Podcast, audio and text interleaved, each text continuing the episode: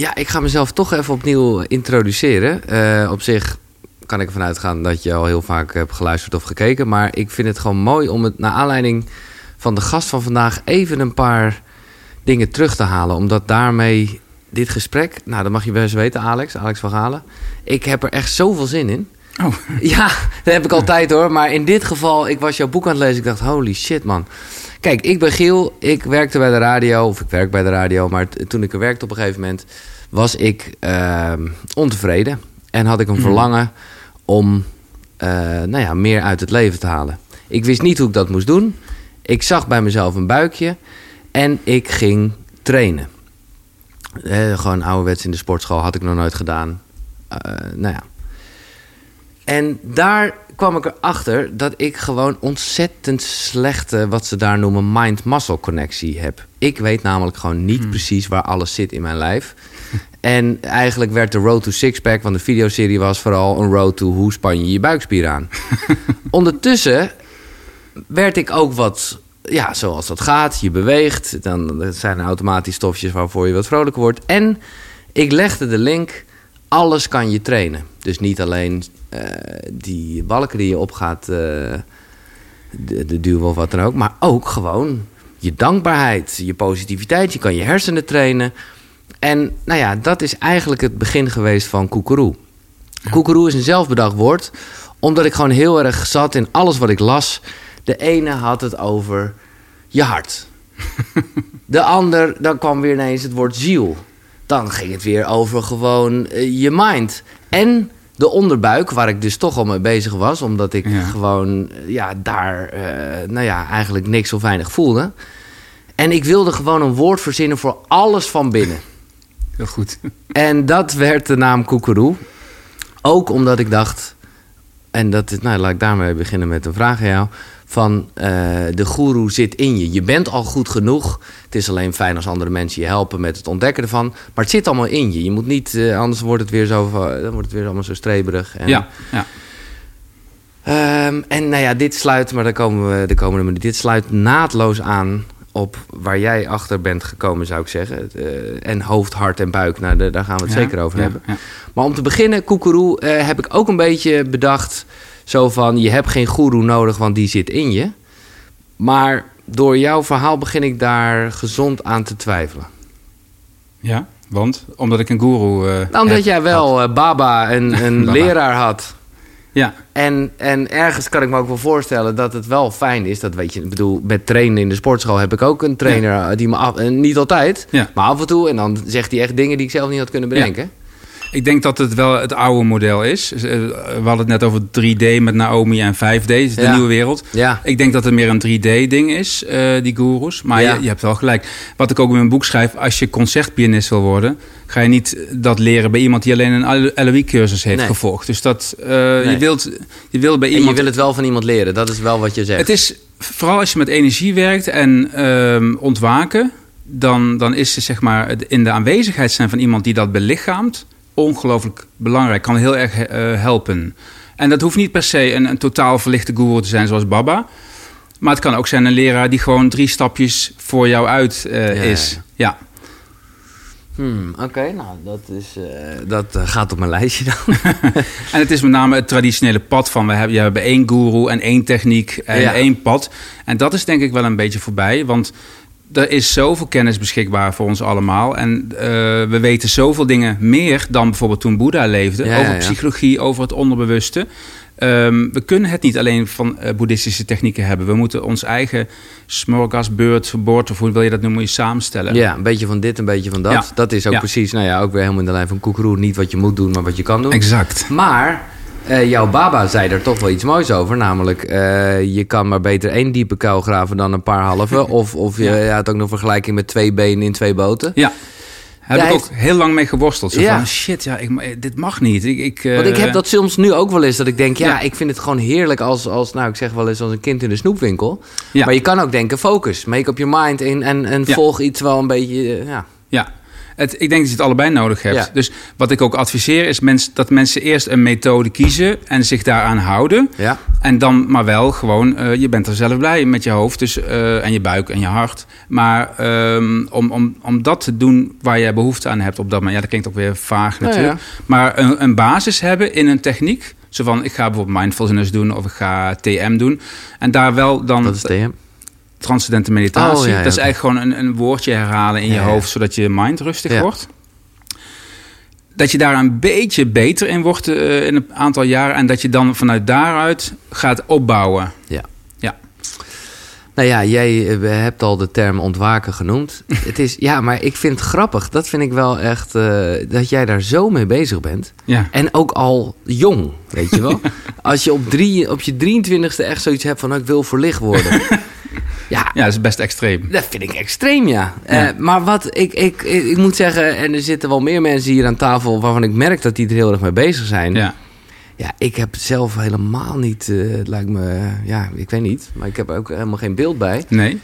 Maar w- ja, la- Ontwaken is, is, is- er, is er verschil tussen verlichten en ontwaken? Ik heb het specifiek het woord ontwaken eh, gebruikt... omdat ik mezelf niet wilde vergelijken met, met Baba... die dus eigenlijk wat wij dan noemen Nirvikalpa Samadhi had. Dat is de hoogste vorm van verlichting in de Kriya-yoga. Ja. Dat, dat zijn dus mensen die zonder ademhaling en zonder hartslag... eh, in een grot kunnen zitten urenlang... Ja. en dan niet dood zijn als ze terugkomen. Nou, dat eh, heb ik niet. Nee. Dus ik noem het ontwaken. En ontwaken ook omdat het is wat in meerdere stadia gaat. Ontwaken is eigenlijk ook door een deur gaan. En als die deur eenmaal achter je dichtvalt, dan is de wereld veranderd. Want als jij iets ziet opeens in je leven, niet kun je niet ontzien en wegzien. Ik zie ook overal om me heen nu mensen, eh, mijn vriendin, mijn oudste zoon, op pop, pop, pop. Mensen die opeens van die ontwakingservaringen hebben. Ja. En het is een beetje van deze tijd. Ik denk, dat we leven in een extreme tijd en er gebeuren, ja, we zitten in een spirituele revolutie, denk ik echt. Ja. ja, mooie tijd toch? Maar goed, je hebt niks om met ontwaken, maar je bent wel aan het ontwaken. Nee, ontwaken vind ik al wat eh, fijner klinken. Want dat is gewoon, dat, dat voelt een beetje als eh, scherp zijn, wakker worden en gewoon meer ontdekken. Ja, Eh, precies. Maar gewoon die drang naar verlichting. Die heb ik ook losgelaten. hè. Nee, Dus heb je ook dat want er is maar één, Ja. één ding wat er mee bezig is. Dat is het ego, zou je zeggen. Ja, precies. Het is een ego-project. Verlichting is een ego-project Ja. als je er niet uitkijkt. Ja, En dat kan ook niet anders, want als je begint aan je spirituele pad, dan, wat ik al zeg eh, in het boek, eh 99% van je gedachten komen uit het ego op dat moment. En hoe meer je gaat mediteren, hoe, hoe, hoe meer de ziel zeg maar, het overneemt. Ja, Mhm. klinkt dan ook weer. eh, Nee, ja, vind ik ja. Eh, maar toch dan even... we gaan gelijk diep, Alex. Ik hou ervan. I love Want- it. Ja, want toch even over dat ego. Want inderdaad, Ja. je hebt dat helemaal uitgelegd hoe, eh, nou ja, wat verlichting in verschillende groepen, zeg maar. Hè? Ja. Dus je, maar meestal heeft het wel te maken met geen ego of geen identificatie met ego. Ik heb het hier met Jan Geurts ook uitgebreid over gehad en kwam daar ook een beetje. Ja. hmm. Eh, maar ook bijvoorbeeld met, met eh, Willem Glaudemans en Anne van der Leer. Dat is het heel erg. Ja, eh, alles is liefde. Eh, dus Hmm. dan is. maar. En ik heb jou ook ergens horen zeggen, en nou ja, in je podcast. Ego blocks natural progress. ja. Nou, dat, dat, dat, ja, nou, leg dat uit. Dat kan je niet zeggen, vind ik. Nou, het hoeft niet altijd eh, je natural progress te... Nee. Kijk, je kunt je ego trainen. Ik noem het altijd je gedachten en je bewustzijn. Dat is zeg maar een gezin wat in een auto zit. En het ego is dan de kleuter in het gezin. Zo zie ik dat. Hmm. En het is eh, heel fijn om een kleuter in je gezin te hebben. En we houden allemaal van onze kinderen. Het probleem is dat hij vaak aan het stuur zit. En dat is lastig. Dus dan kun je beter een ouder hebben, de ziel in dit geval, die dan zegt: Nou, laat mij maar sturen. Ik geef ons leven richting. Je hebt heel veel richtingen in de spiritualiteit die proberen die kleuter om te leren autorijden. Dat lijkt me niet verstandig. Maar het is wel zo, we willen voor ons ego goed zorgen. We willen dat het goed functioneert. Dus het is niet zo dat ik het ego dood wil hebben. Nee, Absoluut. Het is een, een kind waar je heel je leven plezier van hebt. Omdat je kunt ook niet functioneren in de maatschappij zonder je ego. Dus ik ben niet van de richting van het ego moet eh, overmeesterd worden. Nee, nee, nee. Nou, dat vind ik fijn om te horen. Want Ja. dat word ik ook Ja. een beetje kriegelig van. Ja, Omdat ik ook denk dat het je... eh, nou ja, het, het, ergens heeft het je ook de, de, de drive gegeven om het boek te schrijven. absoluut, Ja, absoluut. Alleen op een gegeven moment, als het ego blijft controle houden over dat spirituele proces, Ja. dan it blocks your natural progress. Ja. en dat vind ik wel mooi dat je dat ook omschrijft. Uh, nou ja, zoals gezegd, jij ging heel jong eigenlijk al in deze business, zou je kunnen zeggen. En met, met heel veel uh, meditatie. Ja. En ergens had je toch op een gegeven moment zoiets van... ja, dit, dit, ik, ik ben helemaal niet echt naar mijn lijf aan het luisteren. Helemaal niet, nee. Nee. nee. Daar pluk ik nog steeds uh, de vruchten van, zullen we maar zeggen. Nu ik al jaren met Taoïstische oefeningen bezig ben... en goed contact heb met mijn lichaam... heb ik nog steeds wel last van een aantal kwalen... Um, en dat wijt ik toch wel aan de manier waarop ik met mijn eigen lichaam ben omgegaan in die eerste jaren.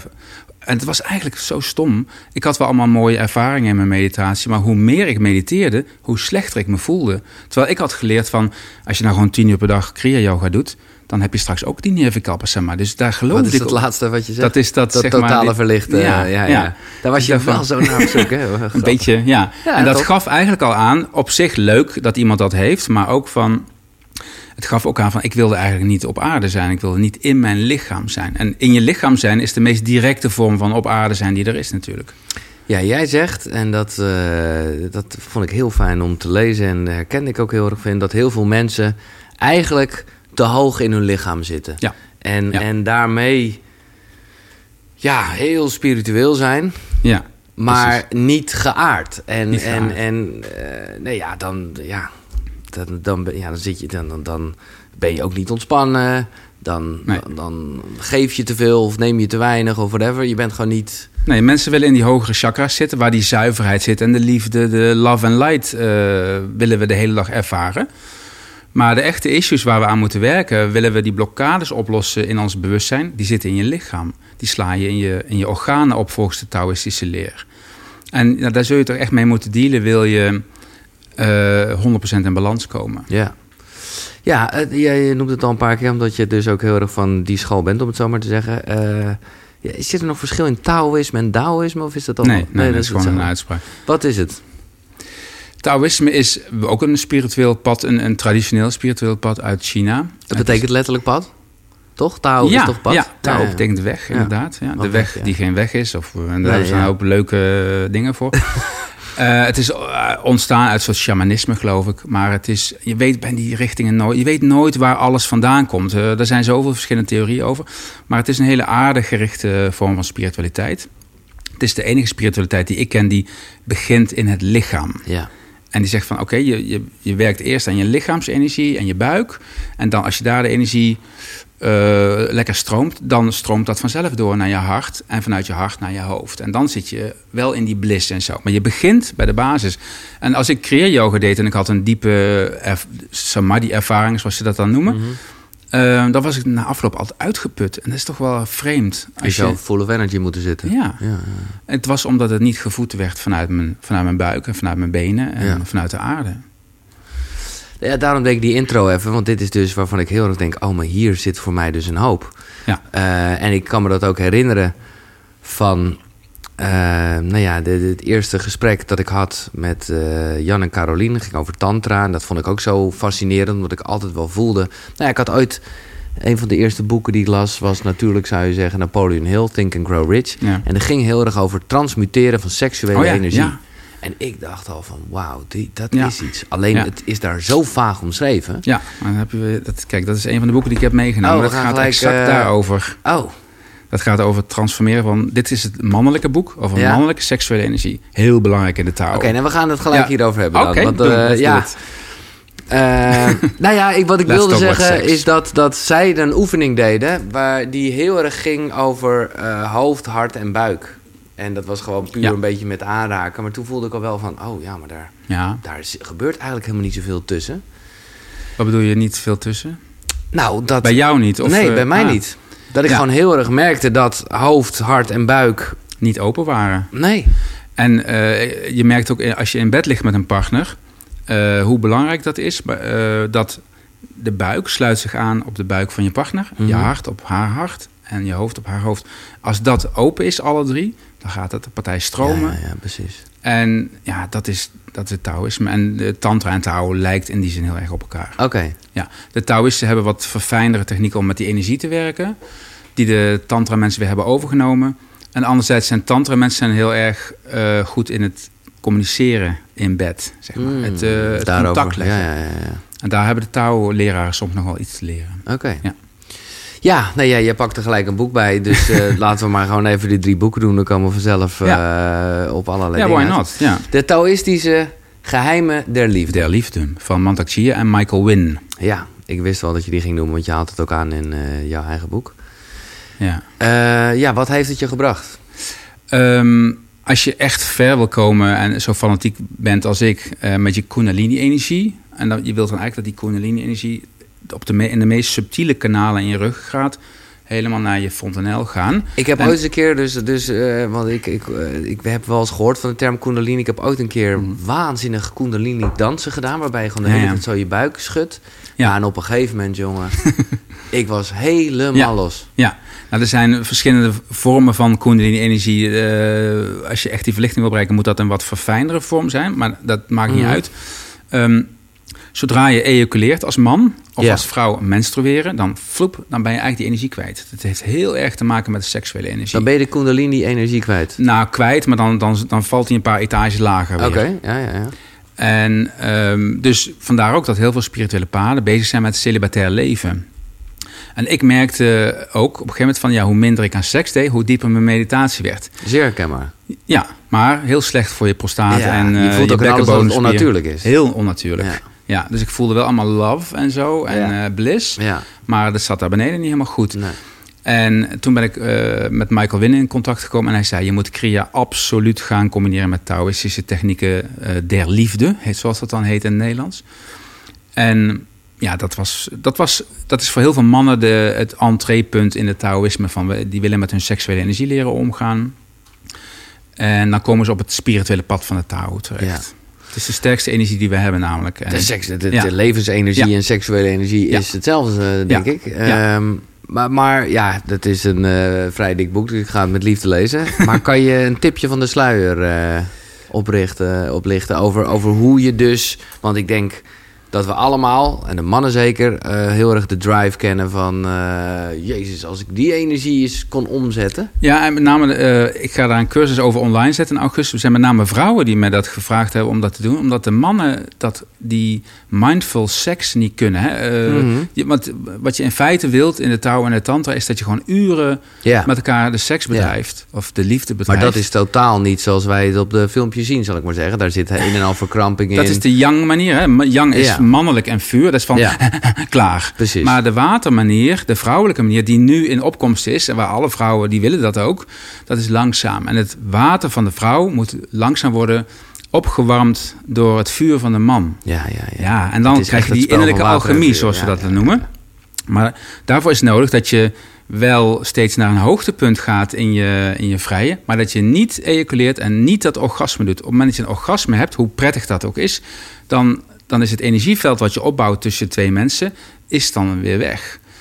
En ja, voor mannen is dat natuurlijk nog wel een dingetje om dan, net als je lekker opgewonden bent, Ja. om dan niet te ejaculeren. Nou, daar zijn dan spiertechnieken voor, maar ik heb daar een hele andere visie op hoor. Maar je, Oké. zijn, eh, je kunt je bekkenbodemspier van voor en naar achter aantrekken en dan met een ademhaling naar boven halen, die energie door je ruggraat. Ja. Alleen dan moet je hem ook weer naar beneden krijgen via de voorkant van je lichaam. Ik leg even, dat ga ik nu niet uitleggen. bocht, ja. Maar dat is, je wilt dat niet zomaar proberen zonder dat jij dit kanaal in je voorlichaam opent. ja. Want anders blijft al die energie hier zitten en dan krijg je Kundalini-syndroom, zoals ze het dan noemen. En wat houdt het in? Dat al die energie in je hoofd zit, dat je Ja. hoofd in feite explodeert. Ja. Dus dat wil je echt niet hebben. Dus dat moet eh, op een goede manier. Nou, die, ik ben niet zo voor de, van, van de controle van de spieren. Maar het, het proces werkt het makkelijkst als je ontspannen bent. Dus ik richt mij in mijn eh touw heel erg op ontspanning. Ja, maar hier zeg je wat. Ik zal je zeggen, eh, dat is mede gekomen door iemand die luisterde naar Koekeroe en me getipt heeft. Want die hoort mij gewoon heel erg in dit proces. Hoort mij ook heel erg vaak naar de wc gaan. Eh, dus ik loop nu bij een bekkenbodem Heb ik ook gehad. specialist. I, I know what you're talking about. Ja, oh, dat vind ik fijn om te horen. Maar jij Ja. zegt nu even, ja, ontspan het even. ja, het in eerste Er zou ik willen... ding in je kont ook, of niet? Nee, oh nee, Ah, dus over ben je ik nog kreeg niet. een ding in mijn kont en dan moest ik mijn eh, anus ontspannen. Ja, sorry voor de luisteraar. Nee, ja, oké. Dat is die bekkenbodemspier is ook heel erg connected met je anus. Hè? Ja, maar ik bedoel, jij zegt nu ontspannen. Terwijl, ja. ik moet het eerst voelen en daarna kan ik het pas ontspannen. Dit is twee stappen te ver. Wat doe je met eerst voelen? Nou, ik heb... Ik heb Je hebt geen contact, met je lichaam. Nee. nee. Nee, exact. Ja. En dat is omdat het niet gespannen is. Dus een beetje... eh, omdat het niet Maar dat is juist ja, omdat het niet ontspannen, Ontspannen is. is, Ja, ja. precies. Ja, dus de ontspanning is dan de manier om contact te krijgen. Ja, maar Ja. hoe kan je iets ontspannen waar, waar, waar je geen contact mee hebt? Zoals ik het heb geleerd, eerst aanspannen en dan uitspannen. Ja, precies. Eh, dat zijn ook een beetje de oefeningen. Ja, Ja, ja. ja goed, ik zou jou niet verder eh, als medisch... maar ik bedoel te zeggen, jij, jij, jij zei me even iets te makkelijk, moet je alles ontspannen. Terwijl ik ben heel erg in een proces om dat te doen. En dat levert me veel op, hoor. Dat je ineens Ja. denkt, oh, ik wist helemaal niet dat er spanning zat. Eh, Nee. eh, Nee. En dat is eigenlijk het hele Tao-pad is gewoon alle vormen van spanning die je hebt in je, in je, spier, in je energielichaam en in je lichaam, daar werk je aan. De psoas-spier, alles, Ja. alles, alles, alles. Hey, daar heb ik ook veel over gelezen, omdat ik in die hele buikspier-challenge toch echt wel erachter kwam dat, het, dat daar een diepere laag ook wel achter Maar de zit. psoas-spier moet je niet spannen, Nee. moet je ontspannen. Ik weet het. Ja, goed. Zoals de spier van de ziel. Ja, want die ligt zo diep. Als jij je niet lekker voelt, als je niet lekker in je vel zit, dan is die, die spier te, te gespannen. Ja. Omdat het, daarom is het de spier van de ziel. Dat ligt heel diep bij wie jij bent en hoe je op dit moment voelt. Maar hoe heb jij dat geleerd? Is dat gewoon ook weer practice en, en eerst maar even niks voelen en steeds meer? Ik weet dat ik. ehm, mijn eerste. Ik heb bij Eva van der Plas, dat is een van die mensen die ik ook in die podcast interview. Heb ik een PSOAS workshop gedaan. Zij is een leerling van Liz Koch. En dat heb ik toen een dag gedaan hier in Amsterdam. Of nee, we zitten hier in Haarlem. Ja. Ehm, ik- nou, dat was. Dat ontspande iets waarvan ik helemaal niet wist dat ik het had. Nee, precies. echt. Oh, en toen, je voelt eigenlijk al je spanning gewoon uit je lichaam de aarde in Ja. druipen. En dat is het effect van heel veel Taoïstische oefeningen. En ik weet dat ik toen de volgende dag had ik een best wel spannende meeting bij RTL 4. En ik had geen spanning, want Nee. de gedachten kwamen wel in mijn hoofd op, de gespannende gedachten. Maar mijn lichaam liet het gewoon... Ja, en zo hoort het te gaan. Dat is wat je een hond ziet doen na een gevecht. Van, Ja, ik wil afschudden. even, eh, ja. En dat is hoe het hoort. Ja. Ja, dat heb ik eigenlijk helemaal niet gezegd. eh, maar Alex is gewoon mediamannetje. eh is van eh, Michiel de Ruiter, schreef je het script voor. Kees en Co, Roze Geur, Wodka Lime, vond ik zelf heel leuk. Ehm, was het trouwens, gewoon even de technisch vraagje... maar is het dan heel moeilijk om een boek te schrijven? Nee, dit is mijn zevende boek. Maar het is het Ja. eerste boek o- over... Precies. Het is geen dit. fictie, het is geen... Dat was ontzettend moeilijk. Ja. Want normaal als ik er niet uitkom, dan ehm ja, dan verzin je wel. zuig ik hem uit mijn duim. Ja. En nu moest ik het, het moest echt kloppen. Ja, nee, dat begrijp ik. Ehm, waar, hebben, waar zitten we? Nee, we hebben het nog een beetje over het boek en die technieken. Ja, En dus contact met je lichaam, ja, gewoon practice. Ja. Nog iets anders wat je uit dit boek hebt gehaald? Ehm, nou ja, ik zou niet uit een boek gaan oefenen dit. Ik zou dan echt wel bij een leraar eh, Ja. dit gaan doen. Want anders dan, dit zijn zulke heftige energieën. Dat je op een bedoel, verantwoorde je moet, manier je doen. Moet, je moet gewoon eerst, een beetje zelf oefenen met masturberen en niet klaarkomen Absoluut, en zo. absoluut. Dat doe je dan niet met een leraar of wel? Eh, Nou ja, Ja, misschien is het mijn eigen beperking. Ja, wel dus, oké. en eh, je moet ook goed geaard zijn voordat je hier Ja, begint. nee, maar daar, eh, precies. Misschien moeten we voordat we naar de andere boeken gaan, daar toch even wat meer. Want dat is wat je nu al een paar keer gezegd. We hebben het gehad over hè, hoe heel veel spirituele mensen dat doen, spiritual bypassing. Yes. Ehm, en, en wat jij net zegt, is dus ook echt geaard zijn. Ja. En ik was de minst geaarde persoon op aarde. Hè? Dus, ehm, dus ik moest het echt leren. Maar daardoor heb ik het ook grondig aan moeten pakken. Ehm, maar het is denk ik de essentie van waarom, waarom ik het nu zo goed voel. Gewoon grounding. Ja. Ja. Ik vond een mooie uitspraak in je boek: omhels de aarde en de hemel zal je zoeken. Ja. En dat is ook een energetisch principe. Dus als je de yin-energie omarmt... Dan het water. universum wil in, Vrouwelijke? Ja, en dat universum wil in balans zijn. Dus dan komt de yang-energie vanzelf naartoe. En dat is zowel eh, de aarde is dan yin Ja. en de hemel is yang. En zo is het ook echt. En we hebben zoveel yang, zoveel vuurenergie al in ons leven. Wij leven in een mentale maatschappij. Het is allemaal vuur, wij noemen dat vuurenergie in de Tao. Mhm. Dus ehm, de mentale energie, vuurenergie, dus hete energie die omhoog gaat. En dus als jij eh, mentaal bezig bent de hele dag, dan gaat die energie naar je hoofd. Die gaat in je hoofd zitten. En waar we ons niet op richten in ons leven, dat is de waterenergie. Dat is de Ja. ontspannende, geaarde energie die jou in balans kan brengen. Wat wij dus hebben is burn-out, letterlijk. Het is te veel vuur. Ja, ja, Ja. Nee, het doet mij denken aan een, een, een iets wat ik ook in mijn eigen boekje heb geschreven. Ook weer naar aanleiding van een gesprek dat ik eerder heb gehad. Wat heel erg ging over Qigong. Ja. En dus, nou ja, dat zal denk ik ook heel Taoïsme zijn, maar denk ik me nu. Eh, de, de, de, sa- het samenspel tussen alle elementen. En Ja. hoe dat weer verbonden is. Ja. Eh, eh, water, vuur, aarde. Vijf elementen. Ja, de vijf elementen. En hoe dat weer verbonden is aan organen Ja. en plekken in je Ja. lichaam dus. Ja. Dus in de Tao-leer is het zo dat, en dat heeft ook met emoties te maken, daar wil ik eigenlijk naartoe. Mhm. Ehm, wij associëren wel ons hart met liefde in het Westen. Maar volgens Taoïsten worden negatieve emoties die we niet 100% doorvoelen, die dus niet weg kunnen uit ons lichaam, die blijven in ons lichaam zitten. Ja. En die zitten in bepaalde organen. Dus verdriet zit in je longen, eh, boosheid zit in je lever. Daarom zeggen we ook van wat heb je op je lever. Ehm, Ja. Zorgen in je maag. En ze hebben hele eenvoudige techniekjes in de touw om die spanning eruit te halen en die negatieve emoties eigenlijk los te laten, weg te blazen, letterlijk. En dan gaat dat weer stromen en dan gaan die vijf elementen, die dus met die hoofdorganen verbonden zijn, die gaan, komen in balans. En dan voel je, je voelt je in balans. eh, waar de westerse spiritualiteit focust zich heel erg op die bliss en love. Dat zijn best wel extreme, extreme. We willen naar dat doel toe van Ja. de bliss. Maar in de China is het, we zoeken balans, we zoeken harmonie. ja. Dat is een heel ander uitgangspunt, maar het is wel gezond. Ik vind het mooi dat jij, en dat is een beetje, dan wordt het misschien allemaal wel heel wetenschappelijk, maar omdat jij het echt zo in de organen Ja. koppelt. Ik heb ook wel eens mensen gehoord die zeggen dat het juist zit in datgene wat om je spieren heen zit. fascia. Ja, Ook, ja, dat heeft er ook weer mee te maken. Daar zit ook weer spanning. En eh, als je fascia niet ontspannen zijn en niet in beweging zijn, dan, dan kan de spanning ook daar weer niet doorheen Nee. afvoeren. Het is de bedoeling eigenlijk dat energie door je lichaam van boven naar beneden de aarde in druipt. En alles wat gespannen is, dus een orgaan waar negatieve emoties zitten opgeslagen, de fascia, de, de, de psoas, alles kan dat tegenhouden. En alles wat je opent en ontspant, dat brengt die flow op gang. Waardoor je echt een connectie voelt tussen hemel en aarde. Mhm. En dus inderdaad niet alleen maar opstijgt, maar gewoon juist, ja, grounded zeg jij gewoon, eh, zoals bomen wortel in de grond Ja. hebben. Ja. En dan kun je de hoogste energieën handelen, zeg maar, in je diepe meditatie. Dan kun je, als je geaard bent, kun je dat veel beter aan. En dan is het ook niet slecht voor je lichaam. Want anders kan het echt slecht voor je lichaam zijn. Ja, dan, dan ga je te veel in je, weer in je bovenlichaam zitten en dan eh, kan de boel eh, verkrampen. Ja, ja, ja. En dan kunnen mensen een beetje gek van worden, ook als ze de hele dag in die zweverige energie zitten en niet geaard zijn. Is gewoon niet gezond. Nee. Ook psychisch niet gezond. Nee, je zweeft gewoon echt weg, ja. Ja. ja, ik vind het een mooi beeld. Ehm, ja, ik zit even te denken, maar ik weet niet... eh, want ik heb dat een klein beetje gedaan, omdat jij eh, nou ja, de- van die filmpjes gemaakt hebt. Er zijn heel veel filmpjes. Ik moet ook weer gelijk naar het toilet, merk ik, weet je wel. Waarvan ik eigenlijk weet dat ik het hier echt boven zou kunnen staan. Maar Maar waarom, waarom zou je erboven staan? ja, omdat ik, omdat, ik, om, ja, omdat ik dat echt moet van de Beckham En je, je, maakt dus contact blijkbaar, dus je voelt iets. Je zegt, Ja. ik kan niks voelen. Nee, dat is het. Misschien is dat het wel. Misschien is het de hele tijd een soort schreeuw om aandacht.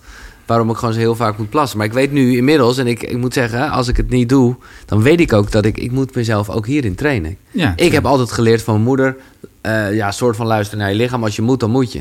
Maar mijn hele systeem is daar nu toch een beetje verslag over. Dus die Ja. gaat gewoon, omdat, Ja. het, omdat het allemaal niet ontspannen is, die gaat gewoon bij de minste gering zal denken, eh, je moet weer. Maar ik heb dus hetzelfde probleem gehad en nog steeds wel. Maar ik zit wel recht op mijn stoel. En jij zit een beetje zo. Nee, precies. En je zit vrij hoog in je lichaam, in je schouder. En je probeert eigenlijk niet, eh, en dat, is, dat herken ik heel goed. Je, jij probeert eigenlijk niet op je stoel te zitten, want dan heb je pijn. En het, het, het is juist zo dat je. Als Ik je zou nu- willen dat ik pijn had, Alex. Want dan zou ik wat voelen. Ook, je hebt, ik had echt pijn. Ik Ja, maar dat, dat weet ik. Maar dat, ik moet zeggen, eh, jaloers is echt een emotie die ik niet zo goed ken. Maar ik dacht wel van, oh, maar dan heb je wat, weet je wel. Dan heb je, zitten. voel Oh je pijn. God. Ja, ja. Ik voel, ik voel helemaal niks. En je kunt ook dat deel masseren hè, met drie vingers. Nee, maar Eh, nergens niet. We hebben het nu heel erg over inderdaad Oh ja, en ja. dingen. Maar ik bedoel... Ik, nou ja, daarom wilde ik, maar ik ga dan toch eerst even plassen, want dan ben ik iets ontspannender. Misschien kunnen we even kort een kleine break doen, eh, als je dat goed vindt, met een, een kleine inzage in de gouden glimlach. Ja. Ja, dan ga ik even plassen. Kleine inzet. Maar goed, ik zit, eh, ik zit weer. Ja, Goed gehaard. Ik moet zeggen, jij, jij zegt dus ook blote voeten zijn gewoon over het algemeen goed. Maar als ik Ja. bijvoorbeeld gewoon zo... prima joh. is prima, hè? Ja. Ja. Hoe heb Het- jij het eigenlijk? Ik heb gewoon rubberen Nike. eh, Oké. aan. Ja, maar het is prettiger om... Wel met sokken ook nog.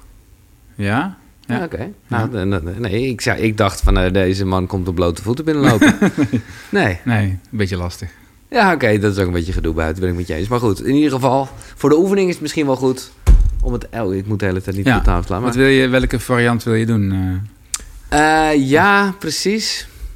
er zijn drie varianten. Ik heb... eh, oh, ik ken er twee. Nee, je kunt, via, je kunt de spijsvertering doen. De spijsvertering, ja. Eh, en je kunt de organen doen, die vijf organen, de vijf hoofdorganen Ja. je ook doen. Nou ja, ik moet eerlijk zeggen dat ik het echt even met een plaatje erbij heb gezocht. Ja, ja. Om te kijken, oké, waar- waar, waar zit, zitten die dingen? waar zit je mild, waar zit je Ja. lever? Ja, eh, Ja. ja. Ik ook hoor. Nee, oké. Ja. Nou, oké, laten, we, laten we die... Maar hoe lang mag het duren? Want het is... eh, nou, Nee, we doen gewoon, het is misschien een beetje oneerbiedig. We doen hem gewoon even on speed. Of jij, of, of jij doet hem even on speed. ik doe hem even als spin. Maar gewoon de, de, de basiselementen... Ga snel zitten. Ja, ja come on. ja. Oké, doen we dan de ogen even dicht? ja. Oké. ehm, zit met je bips op de stoel en met je voet op de grond. En dan doen we dan even een snelle scan van boven naar beneden. Of al je spieren ontspannen zijn. En dan laat je gewoon even los.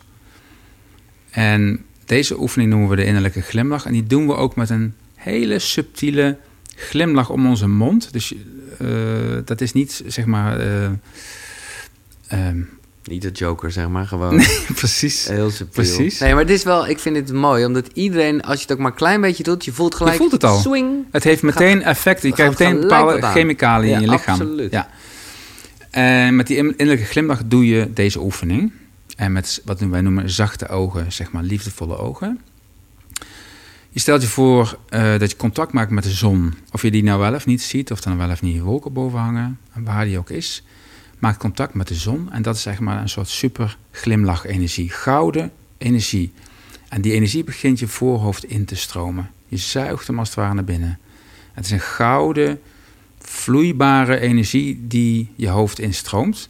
En die je hele hersenpan vult. Je linker, rechter, eh, linker hersenhelft en je rechter hersenhelft. Normaal doe ik dat langzamer, maar dat doen we nu even op speed. En je hele hersenpan wordt gevuld met die gouden vloeistof van de glimlach.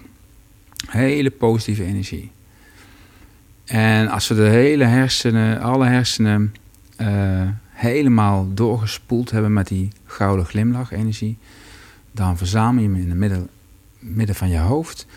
En dan laat je hem door je mond, door je keel naar beneden stromen naar je thymusklier. Die zit hier bij je in het midden van je borst.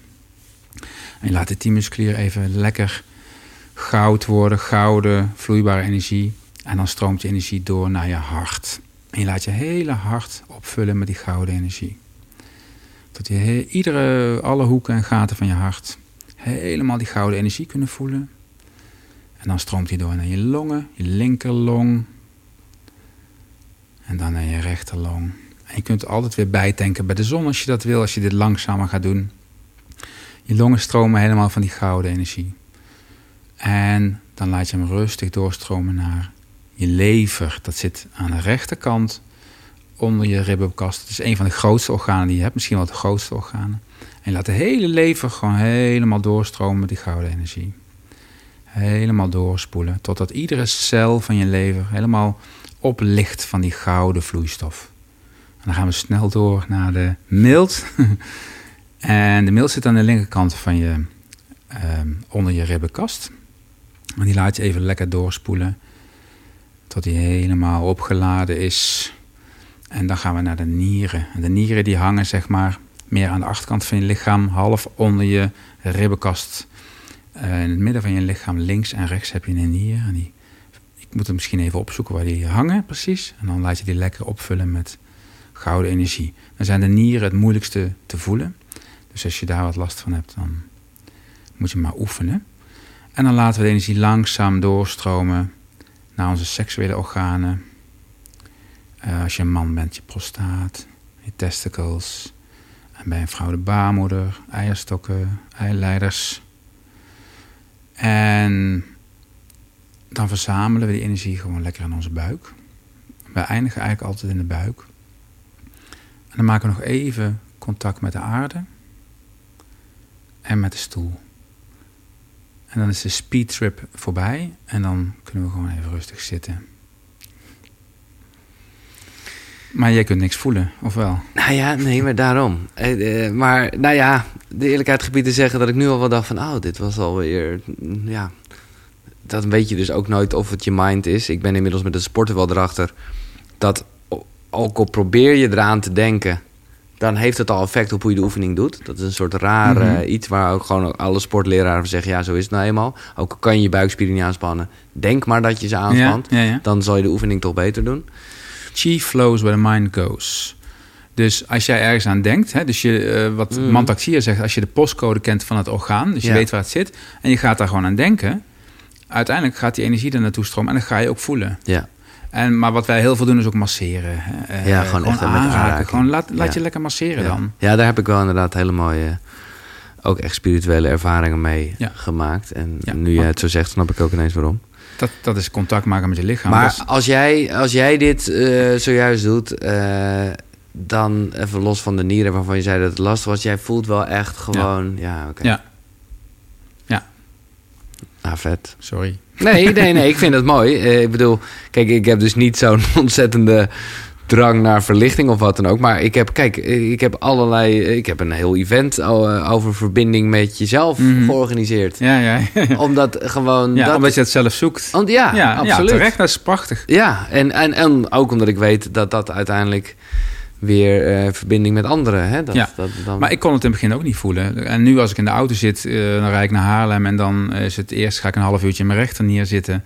en dan in mijn linkernier gewoon tijdens het autorijden. Ja, En dan gaan ze gewoon vibreren. ja. En dan komen er ook stoffen vrij... Want daar zitten ook je bijnieren, daar zit ook je, je adrenaline en zo. Dat komt dan gewoon tot rust.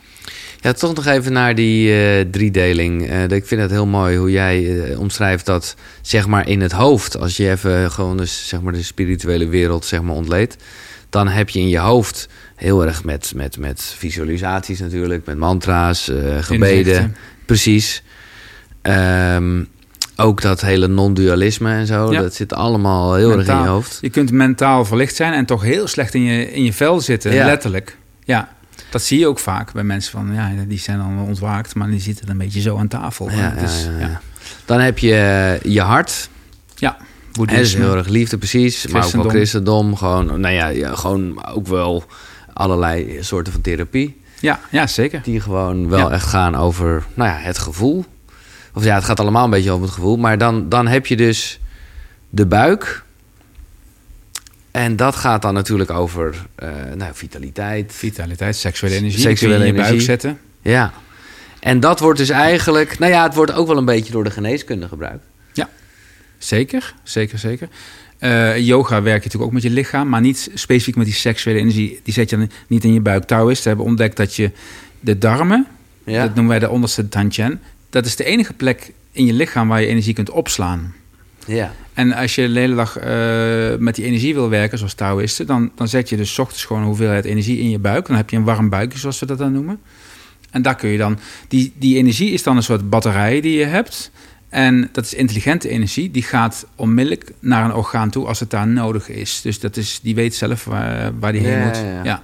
Soort echt een energiecentrum. Ja, dus dat is een brandstof voor ons om, om, dieper, om ook in het hart en de, het hoofd die diepere vormen van liefde en meditatie eh, te ervaren. Als je dat niet hebt, ja, dan ben je eigenlijk eh, roofbouw aan het plegen op je eigen energie. Ja. Want zo heb je dus ehm Shen, dat is het hoofd. Ja, dat is spirit energy. Ja, Ja. dat is verfijnde energie. Eh, de Chi. De chi chi noemen we dat. Want is, Ja. alles is chi, hè? maar dat is de chi chi. Ja, klinkt een beetje. Ja. En de Ying. En Die Ying, Jing, ja. Dat is je, echt je seksuele energie, je bloed en je sperma en eh, echt die, die, die, die wat zwaardere seksuele energie. Ja, En die kun je ook uit de aarde halen. precies. Want daar waar je... Nou ja, de Shen is een beetje de hemel en de planeten. De Chi eh, is de Exact. natuur. Ja. Ja, ik vind dit fascinerend. En Omdat uit- je namelijk over dat buikje, om het zo maar even te zeggen, of, of de jing klinkt wat beter. Daar hoor, ik hoor daar niet zoveel over. hoor. Nooit. Nee, dat is waarom het ook. eh, daarom wil ik dat boek er ook over Ja. schrijven. Want ik zie iedereen eh, bezig met inzichten en ontwakingsgedoe. Ja, maar niemand in, in zijn buik zitten. nee. Ja. Dus eh, we zijn uit balans. Onze maatschappij is gewoon uit balans. En ehm, ze zeggen dat, we nu, dat onze wereld nu in een soort upgrade zit. Hè? Dat er uh, hoge frequente energie is. Maar dat zit in de aarde. Dus je moet contact maken met de aarde. Wil je dat echt goed op kunnen vangen en goed kunnen, kunnen laten doorstromen in je systeem. Ja. En je zult merken als jij echt contact maakt met de aarde. Dat is zo'n liefdevolle energie. Zo balancerend. Dat is echt een, daar- niet voor niks dat ze zeggen moeder aarde. Dat is Ja, een heel ja. liefdevolle energie. Maar eigenlijk vind ik dan eh, de gouden glimlach die we net deden, komt er toch weer eh, van Komt boven. toch weer uit de zon, maar we laten hem doorstromen naar de aarde. Ja, precies. Ja. Maar, maar aarde, de, je hebt... Die je hebt- gouden energie hoort wel bij de aarde, hoor. ja, ja, ja, dat begrijp ik maar, want dat komt uit eh Ja. het Taoïsme. Maar eh, je, je hebt twee manieren van aarde, heb ik begrepen. Namelijk via de botten en... Energetisch eh, en via... ja, precies. ja. Dus, maar kan je dat uitleggen? En sommige mensen zeggen ook van als je in je onderbuik zit, ben je ook geaard. Het is, ja, het is een brede term.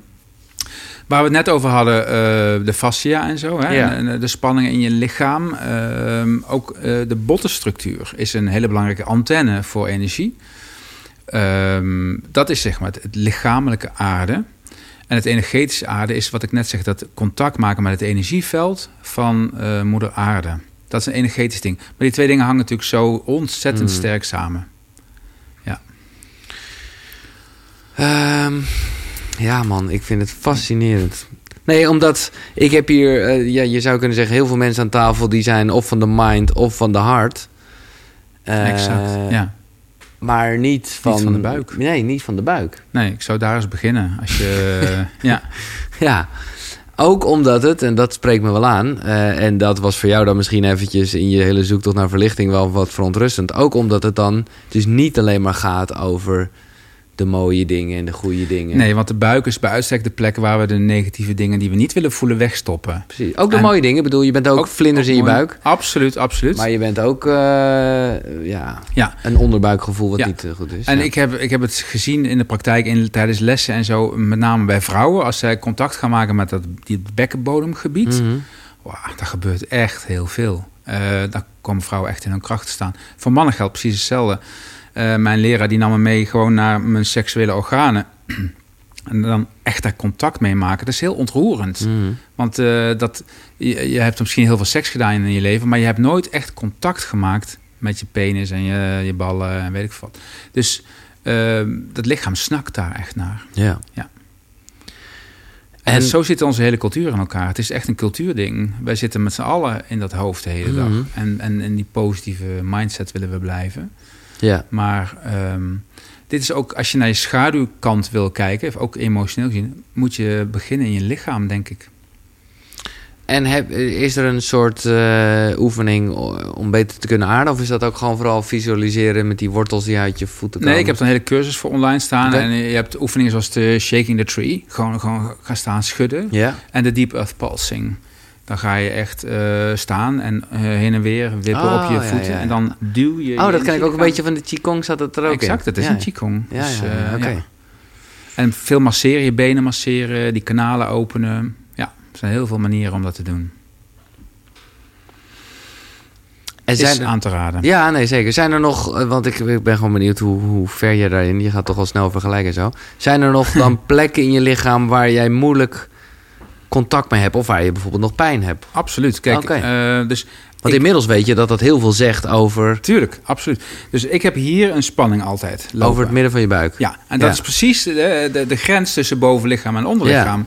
Dus ik Ja. wilde altijd hier zijn. En Je wil er Daardoor- boven zijn, ja. daardoor ehm, hebben deze, de organen die hier liggen, dat zijn eigenlijk wel je belangrijkste organen. Hier ligt bijvoorbeeld je lever en, en de Ja. milt en de maag vooral ook. En de galblaas, ik had galsteen op een gegeven moment. Die organen die kwamen dus, daar, daar, daar gebeurde niks. Daar, die kregen niet genoeg energie. Die zijn allemaal uit balans geraakt. En ik ben nog steeds bezig om dat in balans te krijgen. En het is eigenlijk is dit, deze spanning die ik heb, dat noemen ze ook splitsing. Eh, Mhm. ook in de, in de therapie noemden ze dat splitsing. Is mijn belangrijkste leraar. De grootste kut ellende in je leven, zeg maar, is gewoon die belangrijkste leraar. Ja, dat, ja, En iedere keer als ik die splitsing voel, dan weet ik van, oh, ik moet terug naar de aarde. Dus dat is mijn signaal geworden. Ja. Ik had het liever zonder gedaan, maar het is toch goed dat ik het eh, heb. Nee, ja, zo is Ja. het nou helemaal. Ja, dat is natuurlijk altijd het hele mooie. eh, Ik hoorde jou dat ook ergens zeggen. En toen dacht ik, ja, wat een crazy. Maar dat is wel precies wat je aan het doen bent. Waar het leven, als het er ergens om gaat, worden wie je bent. Worden wie je bent, ja. Ja, Ja. Is echt, ja, ja, dat is het. dat is het. Maar En ja, dat je- bedoel ik met het ego zit wel eens in de weg. Ja. Eh, ontwaken is een natuurlijk proces. En, we en eh, met name mensen die willen ontwaken, dat heb ik dus zelf ook gedaan, die gaan dat dan tegen zitten houden. Ja. En dan, dan je, wat, je probeert eigenlijk steeds iets te zijn wat je niet bent. Eh, oh, ik moet dit. Oh, ik moet nu dat. Oh, ik moet nu zus en zo'n training gaan doen. En dan kan ik misschien dit en dat. Nee, het is ah, de, de beste technieken, de beste paden, die leiden je terug naar wie je bent. Ja. ja, maar dit is dan leuk, eh, want tegelijkertijd is dat verlangen wel de drijfveer waarop je... Dus, dus tuurlijk. je hebt dat ook nodig. Ja. En ik heb voor mezelf, heb ik dat dan zo geformuleerd, want dat, ik zat daar ook mee, Ja. van dat het doel ligt uiteindelijk in mijzelf. Ja. Dat is dan natuurlijk ook een cliché, maar Nou ja. eh, het doel is om hier en nu te zijn. Dat is het enige doel waar ik naartoe werk, als ik dat zo mag zeggen. Ja. Maar dat blijft alsnog een streven. Ja. En een goal. Ja, maar dan ik, heeft het ego wat te doen. Ja, nee, precies. ik vind de kleuter vind ik wel leuk, want daar kan je ook Ja. inderdaad, daar kan je ook altijd wel om lachen. En ik denk Ja. dat dat altijd heel gezond Ja. is. En eh, nou ja, je, ja, ik vind, het- ik vind het een mooie omschrijving. Ook omdat die ook een rol heeft. Exact. Ja. En die we niet weg willen denken. En eh, zoals de meeste spirituele paden altijd gezegd hebben, ego dood. Maar waar kwam dat nou vandaan? Want kijk, natuurlijk, eh, jij hebt verteld over een soort classic, iets wat we allemaal wel kunnen voorstellen, dat je op je 22e eh, je, je, je helemaal doorweekt was en je, je, je sleutel slot wilde omdraaien en je hand niet kon bewegen omdat je zo koud was. Ja, En toen dacht, ja, er moet toch meer zijn dan dit. ja. Maar ja, dit is een ervaring die op zich elke jongere heeft van wat is dit voor een leven? ja, maar dit ging wel wat dieper. Nou ja, maar, zo, maar waar kwam dat vandaan? Waar, waar, waar had je dan? Je had toch ergens. Ik denk dat ik het altijd gehad heb. Dus eh, Ja, als ik dan in de kroeg stond met vrienden en iedereen gewoon... Hey! Ja. En ik dacht van, oh, oh, jullie geloven hier echt in. Van, Ja, je gaat er echt in mee. Je bent echt in die En jij illusie. dacht altijd er is meer. nee, ik had altijd een soort afstand van... eh, dat klopt, dat is dan, noem ik dan de kiezel in je schoen. Van, eh dat klopt iets niet. Dit is het niet. Dus... Dus en dat moment eh, in Utrecht eh, tijdens mijn studententijd, van voor die deur van het studentenhuis, van het, moet echt meer zijn dan dit. Was een heel diep gevoel Ja. van dit is klaar. Dit is dit pad. Ik doe er ook niet meer aan mee. Nee, Nee. Zo, ja. Ja. En toen las ik dit boek, om dan, eh, als je gaan, dat wil, ja, gaan dat, door. dat ehm, autobiografie van de yogi van Yogananda. Ehm, en ik was wel toen, dus ik ben op zoek gegaan naar spiritualiteit. Ik kende dat woord, eh, denk ik niet eens, maar ik ben Nee. een beetje gaan zoeken en dan wat boeken van theologen gelezen. Ik dacht, nou, dat- ik had vrij snel door, denk ik, van die mensen hebben een mening ergens Want over. zo ging het, studentje. Ik bedoel, het is ook Even niet boekjes vanuit je ouders of zo. Helemaal of, niet. Of, of, Nee, eh, mensen in de buurt. Nee. En je had geen internet, dus je had alleen een bibliotheek en een papieren telefoonboek. En Ja. er stond geen Kriya Yoga, er stond niks in Jij over boeken lezen en zo kwam je bij en die toen kwam ik bij dit boek. Ja. En dit las ik. En die man, dat is Yogananda. Die beschrijft dus een ontwaking, een verlichtingservaring. Zoals mijn guru ook gehad heeft. En ik dacht, die man weet waar hij het over heeft. Dit wil ik ook. En dat was echt van, ik werd één met de oceaan van vreugde en bladibla. Ja, ja, ja. En als je dan, en die zei ook van, als je dan ehm, zo, zus en zoveel kriya ademhalingen per dag doet, eh, je moet er een miljoen doen en dan doe je dat zus en zo. Sommige mensen zijn er twee jaar mee bezig, sommige vijf en sommige twaalf, maar dan heb je het, dan ben je klaar. En dat wilde ik, ik wilde weg. Dat voelde als een cursus, gewoon met een, met een, een kop en een staart. Dus daar ging je Precies. volledig voor. Ja. En alleen, eh, waar, waar vind je dat dan? Nou, er stond een soort mysterieuze meester in dit boek, Babaji. Niet mijn baba, maar eh, een mysterie. Baba betekent gewoon vadertje. En, en die, die leefde al honderden jaren of zo. En die had gezegd van... ik voel dat er zielen zijn in het Westen die ook willen ontwaken. En als je mijn naam uitspreekt met een zegen... dan zul je een zegening krijgen of zoiets. Dus ik dacht gewoon, ik ga gewoon Babaji spammen in mijn mind. Dus ik ga drie dagen lang alleen maar aan Babaji denken van... ik wil Kriya Yoga inwijding. Want ik wist gewoon niet waar je dat moest halen. Nou, eh, twee weken later ging de telefoon en een jaarclubgenoot. Ja, ik ga iets doen dit weekend, eh Kriya Yoga. Dus ik dacht, nou, that's it. Echt waar. Zo is het gegaan. Ja, En daar ben je dus volledig Toen heb ik me laten inwijden. ja, je bent ik- volledig ervoor gegaan. Nou, je kreeg dan een soort inwijding. Nou, dat, mm, eh, dus ik ging eh, oefenen en ik, ik- je gaat licht, geluid en vibratie ervaren. Geluiden horen. En, ik, ik zag dan geen licht en ik voelde eigenlijk ook niks bij die inwijding. En toen een paar maanden later kwam Baba naar Nederland. Dat was dan de grote yogi-guru van de Kriya-yoga. En ja, toen stonden we daar in een boerderij in Houten met 200 mensen... waarvan de helft allemaal van die witte kleren aan hadden. Love and light. Ja, ja. En ik had zoiets van, nou, dit is echt niet voor mij. Want ik had wel die Bhagwan documentaires gezien. Ik dacht, nou, dat is niks. Hij had inderdaad zo'n oranje jurk aan en een witte baard. En nou, iedereen naar voren voor darshan om te buigen. Ik dacht, ja, ga ik niet doen. En de volgende dag dacht ik van, ja, laat ik het nou toch maar doen. Want Ja, ik ben hier nu toch. Ja, ja, snap ik. En toen de ochtend daarna, boom, derde oog was geopend. Dus toen had ik had hem aangeraakt. Hij had iets gedaan. Hij had iets zo in mijn achterhoofd zo een beetje Ja. zitten porren. En Ja, maar goed, dit gaat me even Ja. dit gaat mij ver. Maar de eh, volgende ochtend ja, eh, zag ik een cirkel van wit licht, blauw erin en een ster. Dat is echt het klassieke derde oog. Dat was gewoon geopend, had ik nog nooit gezien. En ik, ja, ik dacht, nou, dat komt door hem. Dus this is the real thing. Oké, Ja, maar En ik ben niet de enige die zo'n zulke ervaringen met hem eh, heeft gehad. En hoe moet ik dat zien? Is dat derde oog dan iets dat eenmaal geopend, kijk je daar altijd ook mee? Nee. Of was het een tijdelijk... eh, Dan gaat het weer dicht en dan eh, moet je mediteren om dat eh, regelmatig te openen. Dat is gewoon je zesde chakra. Ja, Het is je intuïtie. ja. En hoe dieper je mediteert, hoe, hoe sterker je intuïtie wordt. Dat klopt wel. Dus een basisvraag eh, bij mij... En het is ook als mensen doodgaan, Ja. hebben ze het vaak over een tunnel van licht. En Ja. dat is letterlijk wat je ziet als je derde oog open gaat. Dus Ja, ik denk dat mensen die doodgaan, door dat derde oog of zo gaan. Ja, ja, ja. Dus antwoord op de vraag, hoe train je intuïtie, is wat jou betreft meditatie. Ja, een van de manieren. Ja. ja. Wat een andere Zesde chakra openen, Ja. Op welke manier dan ook. Oké. Je wilt alles trainen. Nou ja, ik vind het gewoon... Ja, dat klinkt het dan wel... Ja, je probeert het toch zo, zo eh, tastbaar mogelijk te maken. Ja. Eh, Maar ik herken ook wel heel erg veel van wat jij zegt als het gaat om mediteren. Dat je daar heel ja, gelukkig in kan worden. Hoe je daar toch... Ja, je mag niet denken in goed en fout, maar je wordt er toch beter in. Of als je gaat dieper in ieder geval. Exact. Ja. Ehm, maar ergens denk ik vooral, dat heb ik nu al een paar keer gezegd, dat die connectie met het lichaam, wat toch ook wel heel essentieel is, dat, dat daar gewoon wat tijd voor is. Ja. Dat me dat veel gaat geven. En dat weet Ja. ik ook hoor, van, Ja. van de dingen waarmee ik bezig ben. Nog even terug naar het boek. Is er nog iets anders wat je heel erg daaruit hebt gehaald? Eh, er zit, ja, er zit een soort, dat boek, als je dat leest, dan voel je een soort liefde. Het is eh, een hele liefdevolle man geweest, denk ik. En ja, het is ook een soort sprookjesboek met allemaal van dit soort verhalen van, van eh, heiligen die allemaal wonderen, Ja. dingen die hij heeft gelijk, meegemaakt. zeker als je dat op je 22e of 23e las, dat, dat, ja, dat de lat wel gewoon heel hoog ligt. Ja, ja, maar why not? Ja, zo is het ook. Ja. Nee, want eh, middelmatigheid, eh, daar ben ik niet echt Nee. van. Begrijp ik. Ja. Oké, het derde boek. Nou ja, uiteindelijk ging ik dus mediteren en eh, heel diep mediteren en dat lukte allemaal niet. En dit is, het woord spiritual bypassing bestond toen nog niet. Dit boek van Chogyam Trungpa, dat is een Tibetaanse lama, dat heet Spiritueel materialisme doorsnijden. En daar stond een zin in en, en die zei, ehm, ontwaken of verlichting is de grootste teleurstelling die er is. En ik met dit beeld, zo van, ik ga, ik ga ervoor en dit en dat. Ik dacht van, maar, dat- huh? Ja. Weet je wel? Dat kan niet. Maar hij had wel gelijk natuurlijk. Dus, Want- en- want want het is natuurlijk een teleurstelling Ja. voor je ego, dat is één. Maar ook voor je spirituele ego. Hè? Want eh, de, de beelden, hij zegt letterlijk... Denk je nou echt als je ontwaakt dat er dan de hemel open gaat... en dat er engeltjes met trompetjes naar beneden komen? Nee, dat is, het is een hele normale ervaring. En dat van die engeltjes, dat was wel hoe ik in de Kriya-yoga werd beschreven. Mhm.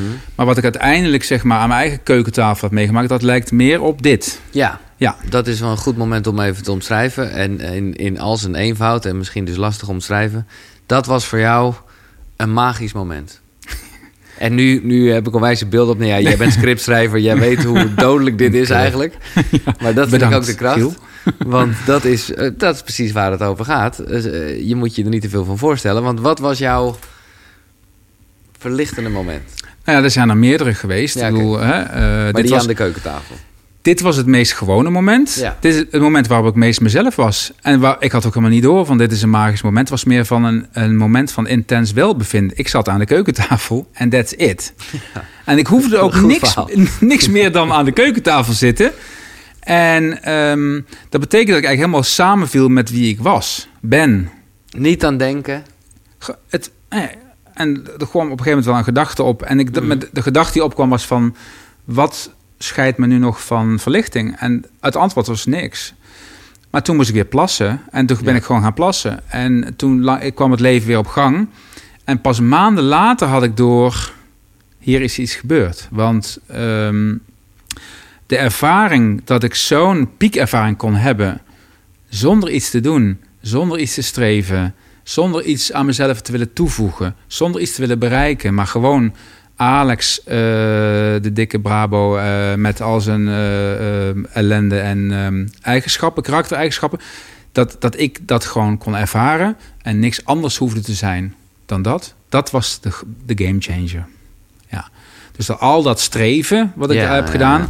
kon ik loslaten. En daarmee haal je ontwaken ook weer helemaal terug eh, naar de Absoluut. basic. Waardoor misschien ook mensen kunnen denken... oh ja, Dat kan ik ook. maar ik heb ook wel eens een keer een wandeling gehad... en toen kwam ik ineens Exact. bij een meer uit. Exact. En ik zag, ja, Ik heb precies daarover een blog geschreven op Holistic eh, vorige week.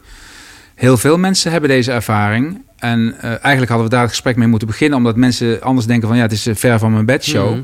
Maar nee, dat is juist iets wat je al regelmatig doet. Ja. Als jij eh, op vakantie bent of je maakt een strandwandeling... en opeens komt er een gedachte van... dit ga ik met mijn leven doen. Of je ligt in bed met je partner... en je voelt je iets van een samensmelten met iets... Of sommige mensen die zeggen... ik voel opeens liefde voor een voorbijganger oh, die ik niet ken. Of ja, ja. dat moment van eenheid, dat is zo'n ontwakingservaring. Maar als jij zegt, zo'n moment van dit ga ik met mijn leven doen... ja, dat is dan toch weer heel erg je hoofd. Nou, de- op het moment dat je contact hebt met zeg maar, die diepere laag bewustzijn... dan zit heel vaak komen er nieuwe inzichten, nieuwe downloads. Ja. Van, eh, dat is dan één gedachte, boom. Ze vroeg ook aan Baba, want in principe is dit stadium van Nirvana Samadhi... is het gedachteloze stadium. De, de, de gedachten zijn helemaal weg. Het ego is dan echt weggebrand. Ja, En ze zeiden van, heb je dan nog wel gedachten? En hij zei, af en toe. Dus af en toe had hij een gedachte. Ja, ja. Maar hij handelde volledig vanuit ware natuur, zoals je dat noemt. is dat ook dat, wat ze woelwij noemen? Ja, dat, eh, ja, dat is weer een andere, eh, dat is het Taoïstische. Oké. Ja, ik denk wat ik had was meer Wei. En dat wil ik niet vergelijken met Nirvana Samadhi. Dat echte hoge Term verlichting. allemaal mensen, maar het ene is totale verlichting. En- Wei betekent gewoon doen zonder te doen. En dat heeft iedereen, dat is gewoon flow. Ja. Punt, laten we het zo eh, Ja, noemen. Ja, ja, ja. Oh, mooi. Heeft iedereen. Ja. Eh, nog iets anders over dat boek?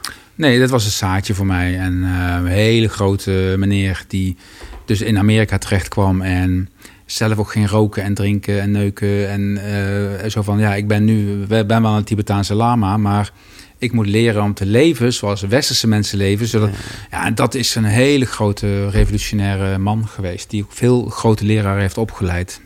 Maar lees jij bijvoorbeeld nu nog veel? Ehm, nee, eigenlijk niet. Nee, minder. In ieder geval geen romans meer ook. Nee. Ik heb ze zelf nog wel geschreven, maar ik zou er nou nooit maar eentje lezen. Maar gewoon meer over eh, zelfontwikkeling en spiritualiteit? Als ik iets wil, als ik dus, eh, net zoals jij denk ergens naar op zoek ben van, hey, hoe zit dat hiermee? Nee, maar Of- ik ben echt aan het verslinden. Dat is gewoon... Ik, ja, ik hou eh, heb ik ook gedaan. Hè? Ja. Dat is normaal. Dat is normaal. Dat is normaal. Ja. nee, maar er komt... Ik moest echt vanochtend onder de douche...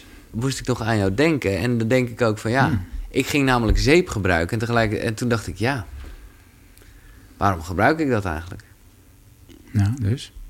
Nou, ik, Wat had het ik met vroeg mij te mij, maken? Nou, ik vroeg mij af of jij bijvoorbeeld... Ik denk, zou zo'n gast nog zeep gebruiken? Want je kan ook denken... Ja, maar ja, je kan ook denken, zo is het allemaal niet bedoeld. Anders kom ik niet meer in bij mijn vriendin. Ik denk het wel dat dat eh, nuttig is om zeep te gebruiken. Ja, maar ja, Ja. ergens kan je ook, als je helemaal teruggaat naar, naar de basis en naar een soort oer iets en gewoon zijn wie je bent, ja, dan hoort daar ook bij hoe je ruikt en, Mhm. en dat soort dingen. Ja. ja, is ook zo. Is ook zo. Maar het is niet zo dat als je ophoudt met zeep eh, gebruiken, dat je dan wordt wie je bent. Nee, dat begrijp Dat is een beetje. Dat eh, dus eh, vroeger mijn goeroe ook altijd van, moeten we dan ook vegetarisch eten? En toen zei hij van, ja, als dat spiritueel is, dan zijn alle geiten verlicht. Dus het is, je moet het niet omdraaien. Nee. Ja, Het is goed om vegetarisch, veganistisch ja, te ja, eten. Ik begrijp wat je zegt. Ja. Maar op het moment, laat ik ervan uitgaan dat jij, oh, nou ja, best wel weet eh, wie je bent. Ja, dan kan ik me voorstellen dat je, nou ja, eh, jij je legt net de Ik, link. met- eh, ook iemand die zeep gebruikt kan zijn wie die is. Ja, nee, dat begrijp ik ook wel. Ja, dit is leuk. Ik onderbreek even het gesprek, maar eh, alle boeken die je net gehoord hebt, die zijn terug te vinden natuurlijk op de site koekeroe.nl slash boekenkast. Maar ik heb een extraatje, want daar vind je ook een link naar een aanbieding van Nextory, waarmee je alle boeken 50 dagen gratis kan lezen en luisteren. En dan hebben we het niet alleen over deze drie boeken, nee, er staan daar 300.000 luisterboeken en e-books. Dus ga naar koekeroe.nl slash boekenkast om 50 dagen lang gratis Nextory te gebruiken. Top toch? Thanks. Maar je bent bijvoorbeeld wel, eh, ben je vegan of eh, Ja, vegetarisch? En is dat, heeft, dat, heeft dat wel met energie te maken? Ja, ik voelde wel dat ik dat nodig had. Ja. Maar mijn lichaam reageerde er wel heel heftig op. Ik ben mede dankzij... Ik was veel dikker dan dit. Hè. Ik ben 20 kilo afgevallen. Ja. Mede door die touwoefeningen. Eh, mijn bloedsuiker is nooit in balans geweest. Eh vegan schijnt een goede manier te zijn om, om dat in balans te brengen. Maar bij mij ging het niet van een leien dakje. En nu wel. Nu ik salades ben gaan eten, Hmm. ben ik meer in balans. Dus ik verwacht ook nu dat ik meer ga afvallen. Ja, want jij zegt dan net gewoon nog even zo tussen neus en lippen dikke brabo. Dan denk ik, ja, daar zit toch wel...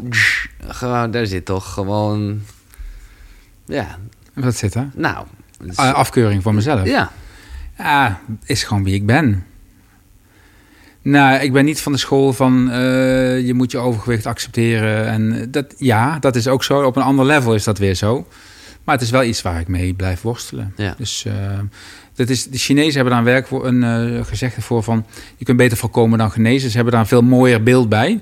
En ik ben wel met dat genezen bezig nog steeds. Eh, Ja, dat is eerlijk. Oké. Ja. Nou, we weten in ieder geval dat je doucht met zeep. Maar hoe ziet jouw ochtendroutine eruit? Wow. Ik sta om zes uur op. En dan ben ik toch wel 2,5 uur bezig met meditatie en qigong. Zo. En, eh, En dan in lunchpauze ook weer hoor. Dus, eh, maar ik vind het gewoon lekker. En het laat mij als schrijver ook op. Hè? Ja. Eh, nee, precies, want ik denk dat veel mensen denken... ja, dat Ja, zou ik nee. willen, maar ik moet gewoon naar kantoor. Als jij gewoon naar kantoor moet, dan, heeft dat, dan Nee. is dat niet echt realistisch. Maar eh 2,5 uur meditatie en qigong. Kom. Maar die, die, die Taoïstische oefeningen zijn zo lekker om te doen... dat je, ik kan er niet mee ophouden. Dus eh, Dus dan zit je lekker eh, s ochtends over je buik ja, heerlijk ja. Nee, ik moet zeggen, die oefening, hoe heet die oefening? Heeft geen naam. Buikwrijven. Gewoon lekker buikwrijven. Ja. Dat vond ik zo belachelijk toen ik dat voor het eerst Maar hoe deed. doe je dat? Want ik bedoel, als je zit, is het niet zo lekker. Dan, dan, Ja, dan, toch wel. ja? Maar dan zit je gewoon wel van de achter. Dan zit je dus niet met je rug recht. Ja, ik zit nu een beetje raar, maar... eh, als je met je rug recht zit, Zelfs dan- met mijn buik is dat gewoon te doen, hoor. Nee, maar ja, Ja? oké.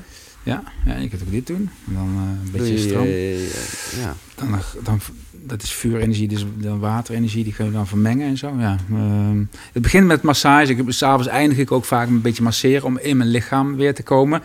Niet dat ik dan niet... Ja, dat ben ik natuurlijk wel eh, schrijver, dus dan zit ik s'avonds ook weer in mijn hoofd. Dus dan moet ik ook weer shaking the tree doen en ehm, een beetje masseren. ja. Ja. Dat merk ik dus. Eh, we gaan straks... eh, tenminste, of was dit echt je hele ochtendroutine? Er zit verder geen... Ja, er eh, zitten allerlei eh, technieken in natuurlijk, maar die, het heeft geen zin om dat hier allemaal... eh, Nee? Oh, je maakt me wel nieuwsgierig. Nee, ja, gewoon meditatie. Ik doe nog steeds Kriya-yoga ook. Ja. Maar ook grounding technieken en eh, weet ik veel wat. Dus, eh, En je pikt een beetje wat voor dag het is dat je denkt, we gaan dat weer eens doen.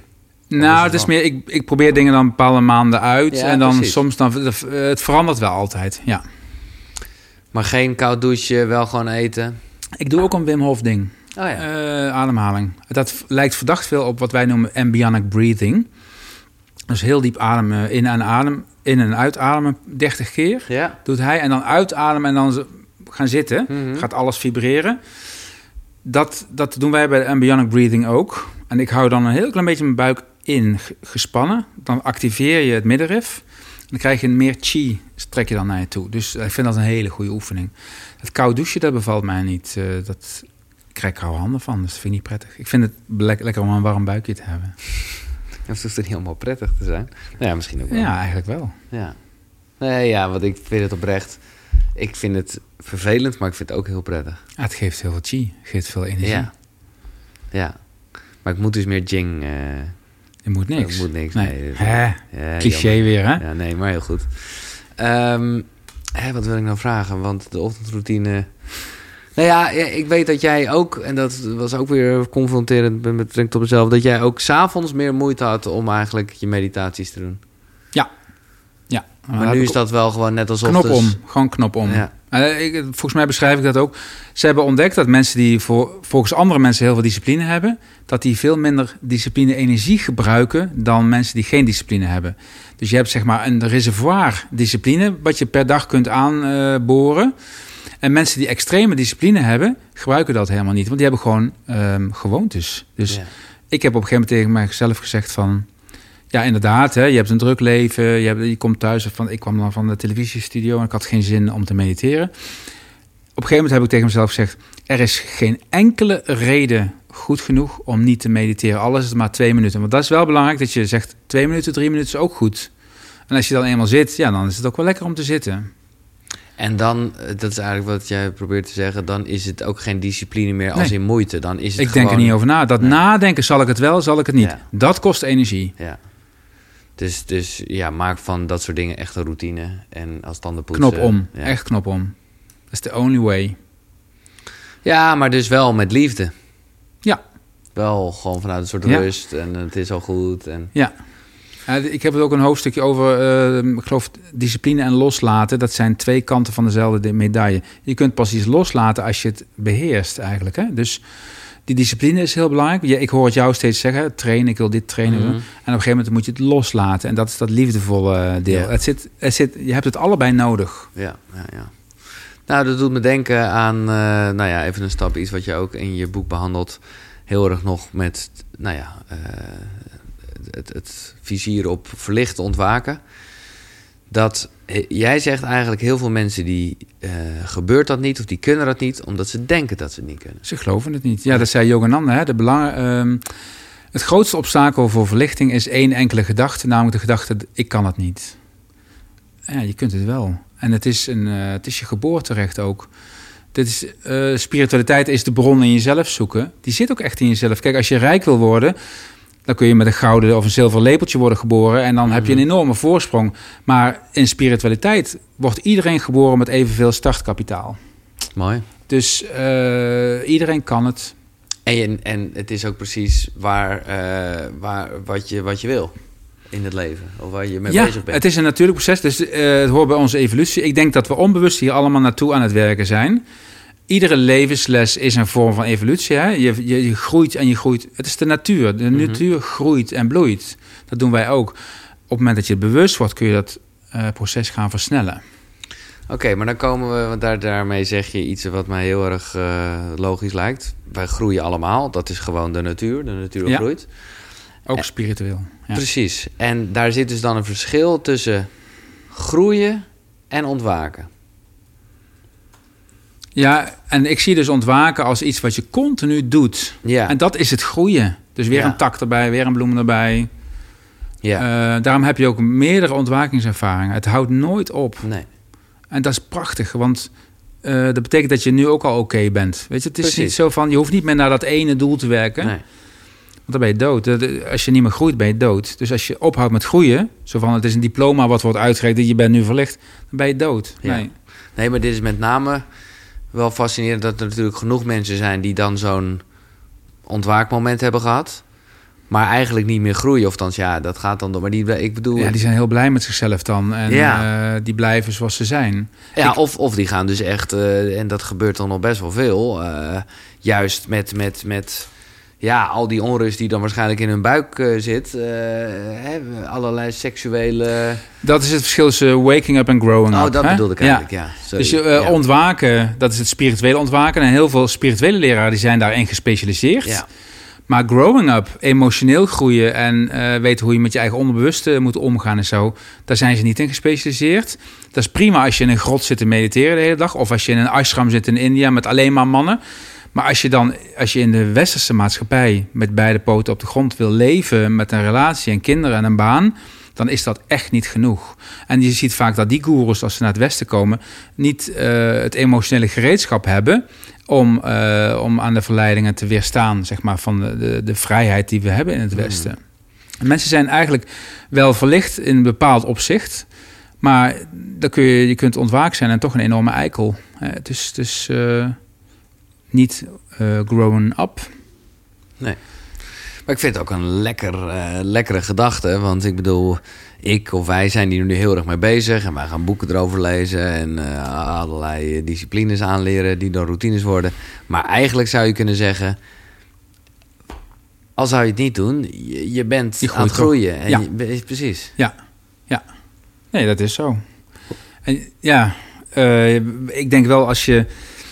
Je kunt het ook, je kunt ook zeg maar van het padje raken van je eigen groei. Hè? Dus eh, het kan ook de andere kant op gaan. Als je in de drugs gaat en Ja, ehm, eh, niet op aarde wil zijn, dan, ehm, ja, dan, dan, Dan ben je niet aan het groeien. dan ben je niet aan het groeien. Nee. Dan ben je aan het doodgaan eigenlijk. Maar hoe zie jij dan de tijd waarin we leven? De, de, nou ja, de, noem het de nieuwe dimensie. eh, jij hebt het ook op een gegeven moment... en dat deed me heel erg denken aan een boek wat ik nog niet heb gelezen... maar wat heel erg gaat over de verschillende stadia. Ja, En dat, dat werkt is ook dat Wilber. Dat met, die, met kleuren en zo werkt dat ja, ook? ja, met indigo en eh, Ja. ik kan het ook niet allemaal onthouden, maar het was wel leerzaam om. Ik heb het ook een stukje in mijn boek gezet. Ehm, ja, goh, moet ik dat hier Nou uitleggen? ja, nee. nee.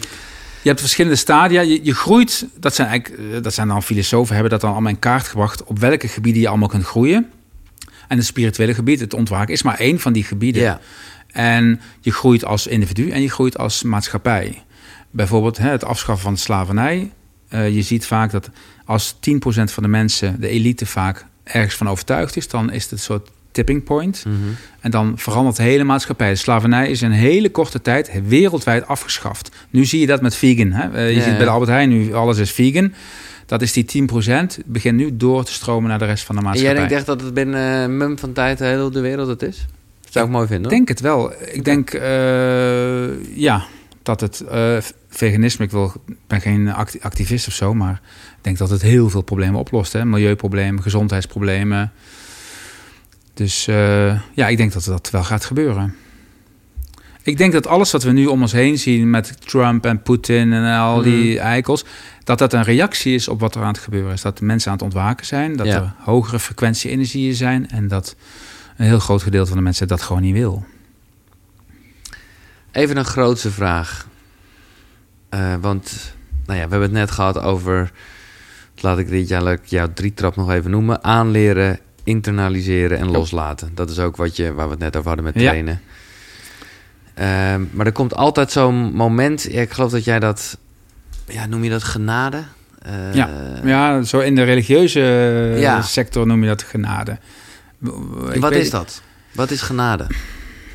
Dat je een cadeautje krijgt van het universum, zo kun je het ook zeggen, dat het opeens eh, moeiteloos gaat. Ja, ja, ja. ja. Moeiteloos ontwaken. Want eh, je werkt ergens naartoe en er komt een moment van loslaten. Op het moment dat je echt iets kunt echt loslaten, gebeurt er wat vaak. Is er, en dat voelt dan alsof er een cadeautje komt van boven of van het universum. Ehm, dat is eigenlijk de doorbraak die je krijgt door loslaten, zo kun je het ook noemen. Maar van wie? Of ja, dat is moeilijk. Nou ja, het is dit. maar net hoe je dat. eh, Ja. dat is, eh, En waar geloof jij in? Van wie, eh, waar komt bij jou betreft, komt de genade vandaan? Geen idee. Ja, ik, ik geloof wel dat er een soort creatieve bron is van het leven. Ja. En ook wel dat dit niet de enige wereld is die er is, de fysieke wereld. Maar voor de rest heb ik daar weinig ideeën over. Er zijn nog eh, twee methodes, kleine dingen die ik wel luisteraars graag wil meegeven. Ehm, en, en in ieder geval eh, een klein eh, gevoel bij krijgen. Te beginnen met eh, de 3-2-1, noem je het zo? Oh ja, Eh, oh my god, ja, ja, ja. Dat is eh, Wat, eh, projecties terugnemen. projecties terugnemen, ja. Dus de derde persoon is dan heb je het over iemand anders, hij. De tweede persoon is jij, Giel, hè, Ja. ten opzichte van mij. En de eerste persoon ben ik zelf. Ja, Wat er gaat gebeuren als jij niet in contact bent met je negativiteit, dan creëer je een schaduw. Je wil altijd in love and light zijn, dan heb je een schaduw. En wat het is, is dat je geen feeling hebt met de negativiteit in jezelf. En je wat onaangenamere, onaangenamere eigenschappen. Op het moment dat je die schaduw hebt, dan projecteer je die onbewust op de buitenwereld. Dus van, eh, oh, die is niet spiritueel. Of, eh, oh, de- die heeft wel problemen met zijn Mm. mm. woede aanvallen. Mm. Dan heb je meestal zelf heb je daar last van. Dat wat jou het meeste triggert in andere mensen, daar zit vaak je eigen schaduw. Mm. Dat is wel zo. En het, de simpelste manier om dat ehm, eh, in kaart te brengen, dat is als je de 3-2-1-methode toepast. Zo van, eh, op het moment dat jij jezelf iets hoort roepen over iemand anders, wat bij jou iets triggert, dan kun je denken van, oh, wacht even. Dat is een proces van terugnemen. Hij is een, een eikel, want die is agressief. Eh, ik, nee, dan ben ik blijkbaar agressief. Dat is Ja, eigenlijk wat het is. Ja. Nou, dat doet me aan denken aan iets wat hier vlak voor deze opname begon. Maar ik was ook, ik, had, ik bedoel, begrijp me niet verkeerd, ik had er vooral heel veel respect voor. Dat jij, we hebben hier het boek even niet. En ik zeg, oh, je hebt het boek niet, ik heb het boek ook niet. Ik heb het boek eh, via PDF gelezen. Mhm. En jij, bam jongen, jij kan dan even heel erg boos zijn over het feit dat het boek er niet is. Nou, ik was niet boos. Nou, maar ik vond het heel allemaal. onaangenaam voor jou. Oh, dat vond ik helemaal niet. Maar jij Oh. gebruikt wel allerlei eh, taal, hoe zeg je dat? En ik voel wel een soort... Nee, maar ik vond het heel Ja. goed. Ik dacht alleen maar, wauw, wauw. Ik vond het echt vond zo dat- jammer ja, dat jij dat niet... eh, ja, ja. Nee, maar Ja, ik zou- heb zeker boosheid in me. Nee, Eh, maar ik vond het voel- juist knap. Want ik zou... Oh. eh, Want ik, ik, ik, eh, maar ik merkte gelijk dat het mij dan raakte. En denk, Oh ja? jezus, eh, heftig. eh. Nou ja, kijk, het is natuurlijk belangrijk als je hier komt dat dat boek daar ligt. nee, ja, Eh, hoezo? Het maakt ook niet zoveel uit. Maar ik vind het, ik het nogmaals, nu lijkt het net alsof ik ervan geschrokken ben. Maar dat was niet helemaal waar. Het was meer dat ik dacht van, wauw, Ja. wat goed dat die gast dat gelijk even gewoon heel... Ja. Nee, dat is inderdaad eh, what you see is what you get. Ja, En ehm, het is ook zeker niet zo eh, dat ontwaken betekent van dat je nooit boos bent. Nee. Absoluut niet. nee. Ik heb het dan ook over je rugzak neerzetten, zeg maar. Eh, dus de last van emotionele shit en mentale shit die je hebt loslaten en neerzetten. Maar dat wil niet zeggen dat je geen rugzak meer hebt. Ik, ik haal re- regelmatig dingetjes uit.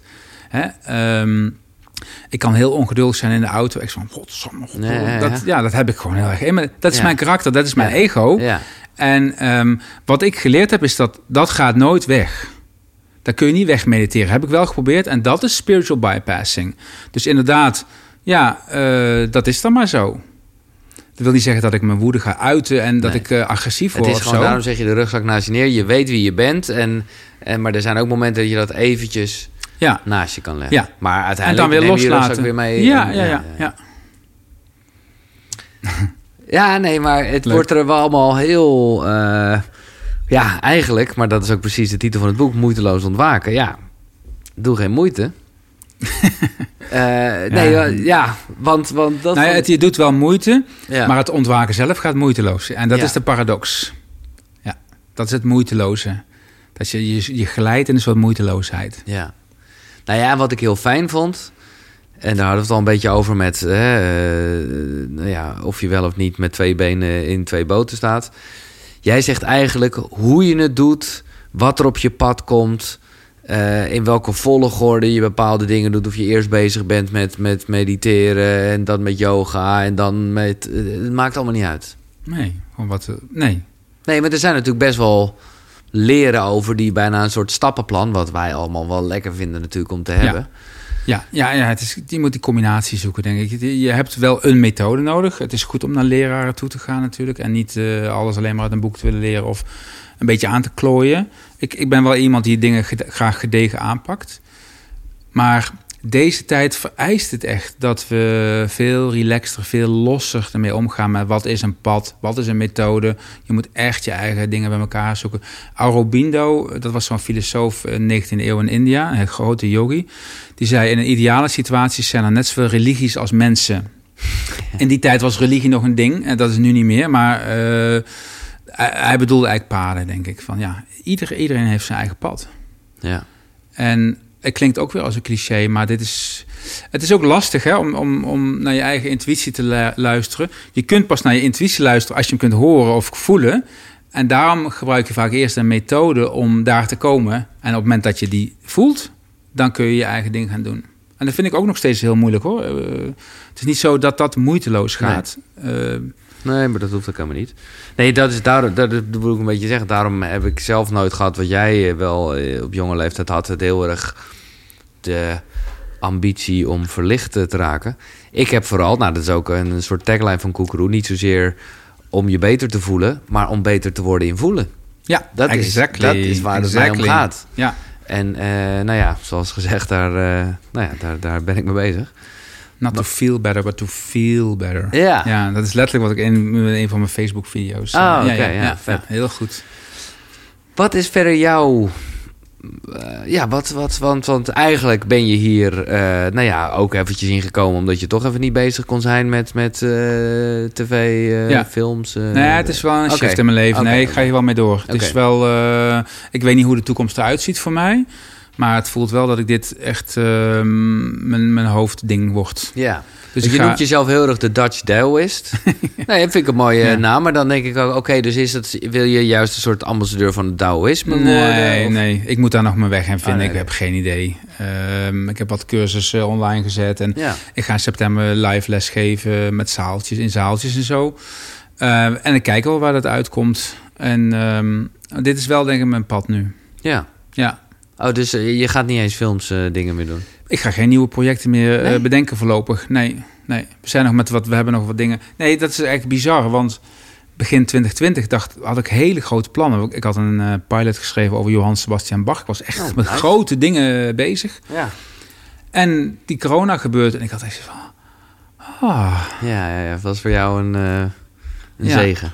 En toen dacht ik van nee, dit, ik, mijn plan was om eh, nog tien jaar scenario's te schrijven en dan een boerderijtje te kopen en dan mensen les te gaan geven, zo in mijn huiskamer, wat ik nu ook doe. Maar door de corona dacht ik van nee, ik, het is it's time. Ik ga dat nu doen. Ik ga die stap dus maken. online. Maar mocht, het, eh, mocht ik geld nodig hebben of whatever, of er komt een, een goed idee, dan ga ik wel weer eh script schrijven natuurlijk. Ik moet zeggen, ik probeer altijd het C-woord. En ik, inmiddels kan ik wel gewoon corona s- zeggen. Omdat er gewoon bijna een soort licht aan het eind van de tunnel is. Ik heb het altijd een beetje proberen te vermijden. Maar ik ga in jou gewoon toch wel...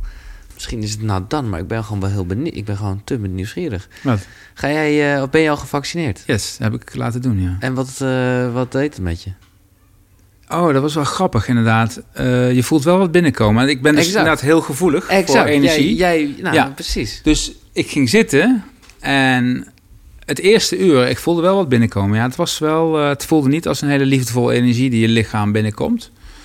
Maar het was eh, een uur later was het weg. Ik heb het, ja, ik heb het toch gedaan omdat ehm, ja, in een ideale wereld vind ik dat iedereen qigong moet doen en aan zijn eigen immuunsysteem moet werken. Maar zoals het nu is, eh, laat ik zo zeggen, ik heb geen alternatief. Jij wel? Ik bedoel, Nee, voor nee, wat er nee. gebeurd is, wat de regering heeft gedaan. Eh, ik heb daar ook vraagtekens bij. Ik ben geen samenzweringsdenker, maar ik zie geen alternatief als we de boel weer open willen gooien eh, voor vaccinatie. Dus ik heb het gewoon laten doen. Ook voor andere mensen, ook voor mijn eigen moeder die 85 is, dat ik daar weer op bezoek kan en eh, zonder dat zij er bang voor is. Dus ehm, taking one for the team zou je het ook kunnen noemen. Hè? Gewoon praktisch, praktisch, pragmatisch. Het is ook aards. Niet te veel in de woe Eh ik, ik geloof niet in die samenzwering. Dat eh, Bill Gates Nee, ant- dat begrijp ik. Nee, antichrist dat is. begrijp ik. Het is- Nee, dat, ja. dat, dat, dat, ik waardeer je heel erg je geaardheid ook hierin. Maar tegelijkertijd is het wel een onnatuurlijk iets. En zeker met iemand die zo goed kan luisteren naar zijn lichaam. Ja, Ja. maar mijn lichaam is nog steeds niet helemaal in balans. Dus ik vertrouw dat ook niet helemaal. Als ik corona zou krijgen, zou ik denk toch wel last van hebben. Ja, ja, zo. Dus dat is ook nog Maar- een soort angst. Ja, ja. Ja. Jij dan? Ja. Nou ja. Ik vind het lastig. Ja. Ik vind het heel lastig. Kijk, one for niet- the team vind ik een beetje... Daarvan denk ik, ja... Dat is, is natuurlijk wat veel mensen zeggen. Die zeggen dan, eh, ja, ik vind het egoïstisch als je het niet doet. Dan denk ik, nee, eh, jij bent lekker niet. vlees aan het eten. Ik bedoel, ja, het is maar net hoe je het ja, bekijkt. ja, ja, dat klopt. Ja, ja. En ik zit gewoon wel ontzettend in een, in een eh, nou ja, juist heel erg dat ik, dat ik bezig ben om zoveel mogelijk naar mijn lichaam te luisteren, om zoveel mogelijk dingen natuurlijk te doen. Maar ik ben ook heel opportunistisch als ik gewoon naar een festival eh, eh, Ja, ja. eh, dan ga. Ja. Dan wil ik, ik wil ook vooral naar het festival. ja, ja, Dus eh, snap ik. ja. Rain, De Rain Method van Tara kunnen we die nog even doen? Poeh, ehm, ja, heb je ergens last van? Wat je... ehm, Oh, ja, we maken oh het we hem, persoonlijk. ja, nee, heel goed. maar mag ik hem ook zo groot maken als, als eh, dat ik. Of moet het echt een mentaal probleem zijn? Of mag het ook verbinding met mijn eh, buik zijn? Poeh, ik moet even nadenken. Wat was het nou precies? Eh, Ja, Ehm, het is ook niet jouw methode, maar ik vond hem wel... Ik ken ja. hem wel dankzij jou. Is er een, een negatieve emotie waar je mee zit op dit moment? Een soort boosheid? Nou ja, Hmm. la- dat kan wel. Als jij zegt van ja, mijn grootste frustratie is. Ja, mijn grootste frustratie is dat ik geen goed contact met mijn lichaam heb. Ja, nou, en nou, dan ga je dus, je sluit je ogen en je Ja. gaat in je lichaam voelen. Van waar zit die frustratie? Waar zou je, ja, dat is natuurlijk lastig, want je kunt het niet voelen, zeg je dan. Maar misschien kun je hem ergens voelen. Stel dat je nou heel boos zou worden daarover. Hmm. Nou ja, ik heb wel één plekje wat ik nu ineens voel. Maar ja, En waar is dat? ja hier zo. Grappig, hè? Bij de lever, dat is de boosheid. Ja? Ja, Meen je het serieus? ja, Ja, heel goed. Oké, ja. En, dan, en wat, het dan, wat, bij mij, wat, wat bij mij dus zo goed werkt, je gaat dan naar die boosheid toe. En dat ga je dan accepteren dat je die voelt. Je, en dan zet je op een gegeven moment een stapje terug. En dan heb je compassie met het feit dat jij boosheid ja, want even, hebt. wat is de, de, de R, de A, de, de rain is het... Brain recognize, allow, dus je laat het toe, de boosheid, dat gevoel. Investigate, oké, hoe ja. voelt die boosheid? Waar zit die? Wat voor, is het een scherpe pijn? Is het een, is het een zachte pijn? Is het een zeurende pijn? Is het een ander gevoel? En de, ik weet de N weet ik even niet meer. Maar een nurture, hè? dat Ja. is de compassie voelen. Lief zijn ervoor. Ja, en wat ik zo geniaal vind aan die methode is van... wat heel veel spirituele mensen hebben, heb ik dus ook. Oké, ehm, ik ben bijvoorbeeld boos ergens over. Stel, mijn boek is niet eh, aangekomen bij Giel Belen. Eh, oh shit, nou daar ben ik dus boos over. En dan zet ik een stapje terug en dan heb ik compassie. Dat arme Alex, die is helemaal boos over dat het boek. Oh, dat is toch zielig voor Alex. En dan zet ik nog een stapje terug. Want ik ben ook boos over het feit dat ik boos ben. Want ik ben spiritueel. Ja, ja. Ik ben love and light. Dat zit er ook nog Er zit een laagje bij. En daar moet je ook compassie mee hebben. Ja. En dat is de Ray-methode. En dat is echt geniaal. Maar dat hele compassie hebben voor, dat, zo, dat vind ik altijd, dat wordt er ook heel weeg van. Dat want- is de innerlijke glimlach. Dus je hoeft niet compassie... Dan, het probleem is dat je probeert iets te voelen wat je niet hebt. Dan zeg je, ja, daar heb ik niks mee, want dat voelt geforceerd. Mhm. Maar met welwillendheid of een glimlach eh, aanwezig zijn bij wat je voelt in je lichaam, Ja. Dat is compassie in actie. Dat hoef je niet die compassie te voelen. Dat is Nee, maar ik voel die compassie wel. Alleen ik vind het zo glad ijs, omdat je daardoor gewoon alles goed kan praten voor jezelf. Oh, Omdat omdat je, je- je meteen in je hoofd zit. omdat je het wel snapt. En Ja, maar dat is mentaal. Dat, is is, mentaal. Het, eh, in India noemen ze de, de mind de doubting faculty. Het is eigenlijk ook het enige wat de mind kan, is dingen steeds in twijfel trekken.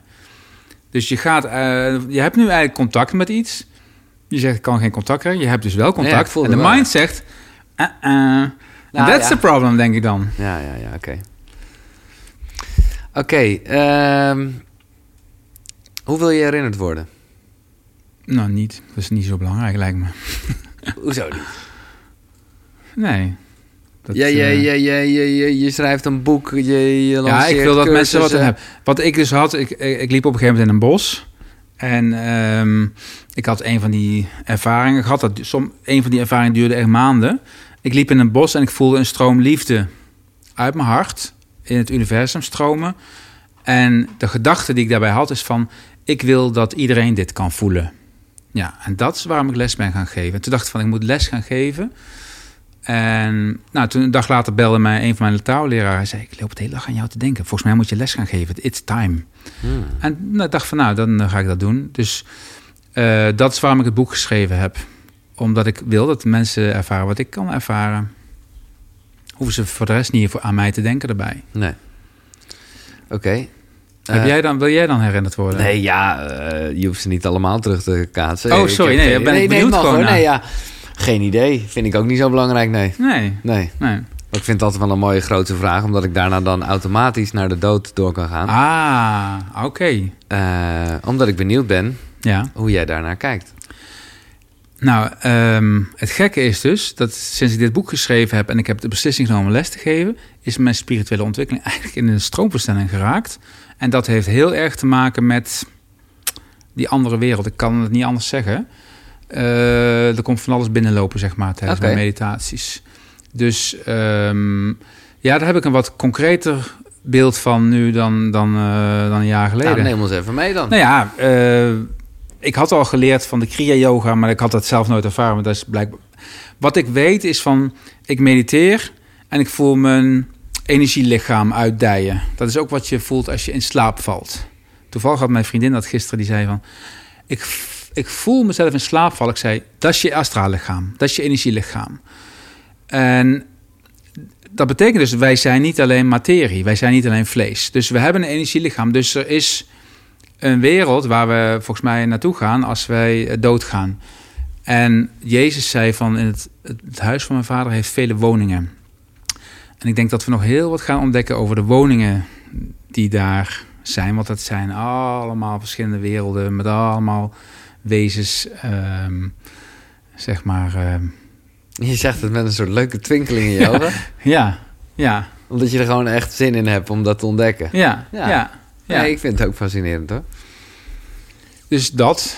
En ik denk dat het een soort leerscholen zijn waar je nooit uitgeleerd raakt. eh totdat Maar dat- je, maar totdat dan- je dan bij de bron terug bent. Bij de Tao of bij de God of hoe je dat dan ook Nou ja, noemen. dat is een beetje de grootste vraag hierachter. En ik Ja. bedoel, we weten het allemaal niet, maar daarom vind ik het leuk om er even over te hebben. Want, want Alex van Galen is er niet meer. Nee, Maar de energie, is er nog wel. ja. Ja, energie gaat niet verloren. Hetzelfde als met de zin van het leven. Het heeft geen zin om dat af te vragen wat de zin van het leven is. Oh, daar had ik met Naomi eh de Ja. e-mail.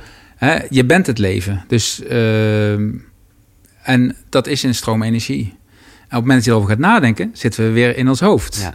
Dus ja, maar ook dat is het leven, toch? ja, dat is Ja. waar. Dat is waar, dat ben ik met je eens. Ja. Maar ik, eh, dat is net een beetje als met het ego en zo. Oké, ja, ik ga jouw eh, vraag dan denk ik als eh, laatste stellen. Wat, of tenminste, dat is de vraag die Baba jou... eh What is your change? Zei ja, dan. zei hij dat, ja? Dat- Tijdens de meditatie zei hij altijd, hè, what is your change? Ja, what hij is wil, your dat is een change? heel doelgerichte vraag. Ja, Oké, alles wat je doet, what is your change? ja. Dus En- je, je zou het wel gewoon vertalen als wat is je verandering? Ja. Groei ook, Ja, hè? En ja. ehm, Wat is je groei, ja. ja, ik heb dus geleerd dat ik ben continu aan het groeien. En ehm, ja, dus ik hoef niet ergens heen te groeien. Ik ben gewoon aan het groeien. Ik, ik voel dus iedere dag dat ik iets nieuws leer, iets Ja. nieuws. eh, en dat is echt waar. Dat is echt. eh, Nee, dat niet, ik eh, zelf ja. ook. Dat, Ja. alleen, maar daarom vind ik het een, een wat grootste vraag. Omdat het wel lijkt te vragen naar even een concreet iets... waar je nu even in aan het groeien bent. Of, is- bedoelde hij niet? Ja, eh, jawel. Ik heb op dit moment niet echt doelstellingen. Zo van, ik wil Nee. dit nog bereiken of dat nog bereiken. Ik laat dat meer eh, gebeuren. Maar je zegt wel, maar dat komt dan een beetje doordat je... Nou ja, je zou kunnen zeggen uit de kast bent gekomen. Eh, Zo eh, voelt het ook. hè? Ja, nee, dat begrijp ik wel een beetje over je spiritualiteit. Dat daardoor het nog meer aan het stromen is in ieder Ja. geval. Dat klopt. Dus dat is daar... De, Ja, dus daar ben ik mee bezig. Maar dat is een, eh, een ontwikkeling die ik niet had, had verwacht. En Dat hoort zo ook natuurlijk. Die hele touw had ik ook niet verwacht. Nee. Eh, bizar. Want hoe kijk je nu terug op dat jongetje van 22 dat heel graag verlicht wilde zijn? Met Oh, liefde natuurlijk. Ja, als ik dat boek had kunnen... Ik vroeg me vandaag af, als ik, als ik hem dat boek had kunnen geven... had hij er dan wat aan gehad of niet? Ik denk dat het nog... Nee, Je moet ik het denk het ook niet. voelen, hè? Ja, Ja, ja. ja, Dat is wel mooi. ja. Dankjewel Alex. Je hebt mij eh, echt eh, veel geleerd. En ik weet weer echt precies... ja, ik ga nog Jij meer... mijn... Ja? Ja, Wel doen dan. ja, gewoon eh, rondjes draaien en... eh, Ik zal je toegang geven tot die cursus. Dan kun je hem eh, Ah, proberen- kun je proberen. Ja, en het boek... Ik kan het niet laten zien. Dat is allemaal love and light. Nee, Zijn we helemaal niet boos over. Nee, nogmaals respect, hè? Ja, ja, ja. Eh, Nee, maar ik, ik weet dan niet dat dat zo overkomt. Dus ik ben gewoon mezelf. Nee, maar dat is mijn eigen gevoeligheid hierin. Daarom Ah, ging ik ja. het even die 3-2-1 methode. Omdat Nee, ik gewoon zelf... Het klonk zo alsof heel- ik zeg maar een woedeaanval had gehad. Ik- Nee, dat wilde nee, ik nee. even... Ik kan gewoon heel slecht... Ik, kan, ik ken die emotie boosheid gewoon zelf niet zo goed. Dus als ik bij iemand anders zie, dan denk ik echt... Oh, wauw, dat vind ik gewoon top. Weet je, als ik Tom Cruise op de set helemaal zie flippen tegen zijn personeel... dan denk ja. ik, wat een goede gast. Ja, nee, ja, serieus. ja, omdat ik gewoon ik. wel denk van ja, daarna is het eruit. Ja. Ik weet niet hoe relaxed die daarna is. eh, Nee. Maar het, het voelt wel zoals Ja. ik mensen wel ken die bam, altijd clean zijn. Ja. Ik bedoel, kijk, het is ook niet dat ik het opkrop. Ik weet gewoon niet eens dat het er is. Hey. En is dat iets moois of juist niet? Dat vraag ik is me nou af. fucking niet mooi natuurlijk. Dat Tuurlijk weet je niet. Nou ja. Nou ja, ik wil wel dus meer voelen. En, Ja, dat, dat, en dat mag ook meer pijn en boosheid en De, alles de zijn. Diamond Approach, heb je er wel eens van gehoord? nee? Diepe zucht. Maar de Diamond Approach is ja, eigenlijk eh, therapie in de richting van ontwaken. Hele moderne methode. Wordt in Nederland ook beoefend. Ja, maar ik, En ik, ik, dan ga je ik ben, voelen. Ik ben niet zo... Ben, ik hoef niet Ah. zo te ontwaken. Oh, oké. Ja, ja, natuurlijk. Ja, Dat is voelen. gewoon- Ja, maar dat is het voelen. Ja, maar is dat ontwaken? Ah, oké. Ja, ja, dat weet ik niet. Ja. Ik vind het gewoon zo, dat hele ontwaken, daarvan denk ik, joh, wat kunnen mensen er druk mee zijn? ja. En eh, heb je therapie wel gedaan dan? Verschillende soorten therapie, ja, Ja. absoluut. Ja, ja, Ja. ja. Nee, dus daarom, ik bedoel, ik zit echt midden in een proces hoor. Het lijkt nu net alsof ik eh, hier niet mee bezig ben. Maar daarom... Ik wou net zeggen, je bent behoorlijk aan het ontwaken. Nee, zeker, zeker, zeker. Maar ja, oké. Bedankt, Alex. Jij bedankt. Oké. Eh, meer informatie ga je vinden op de website. En dat is eh, www. Kom er maar in, Wim. Koekeroe. Koekeroe. K-U-K-U-R-U.nl. Dus koekeroe.nl. En op koekeroe.nl slash Alex. Daar vind je dus ook eh, alles. En ik zal er ook even een linkje plaatsen. Naar bijvoorbeeld je cursus. En Ah, ja, ja, wat goed. Top. Ja. Eh, bedankt voor het luisteren. Graag tot de volgende. Zonnegroet. Hoi.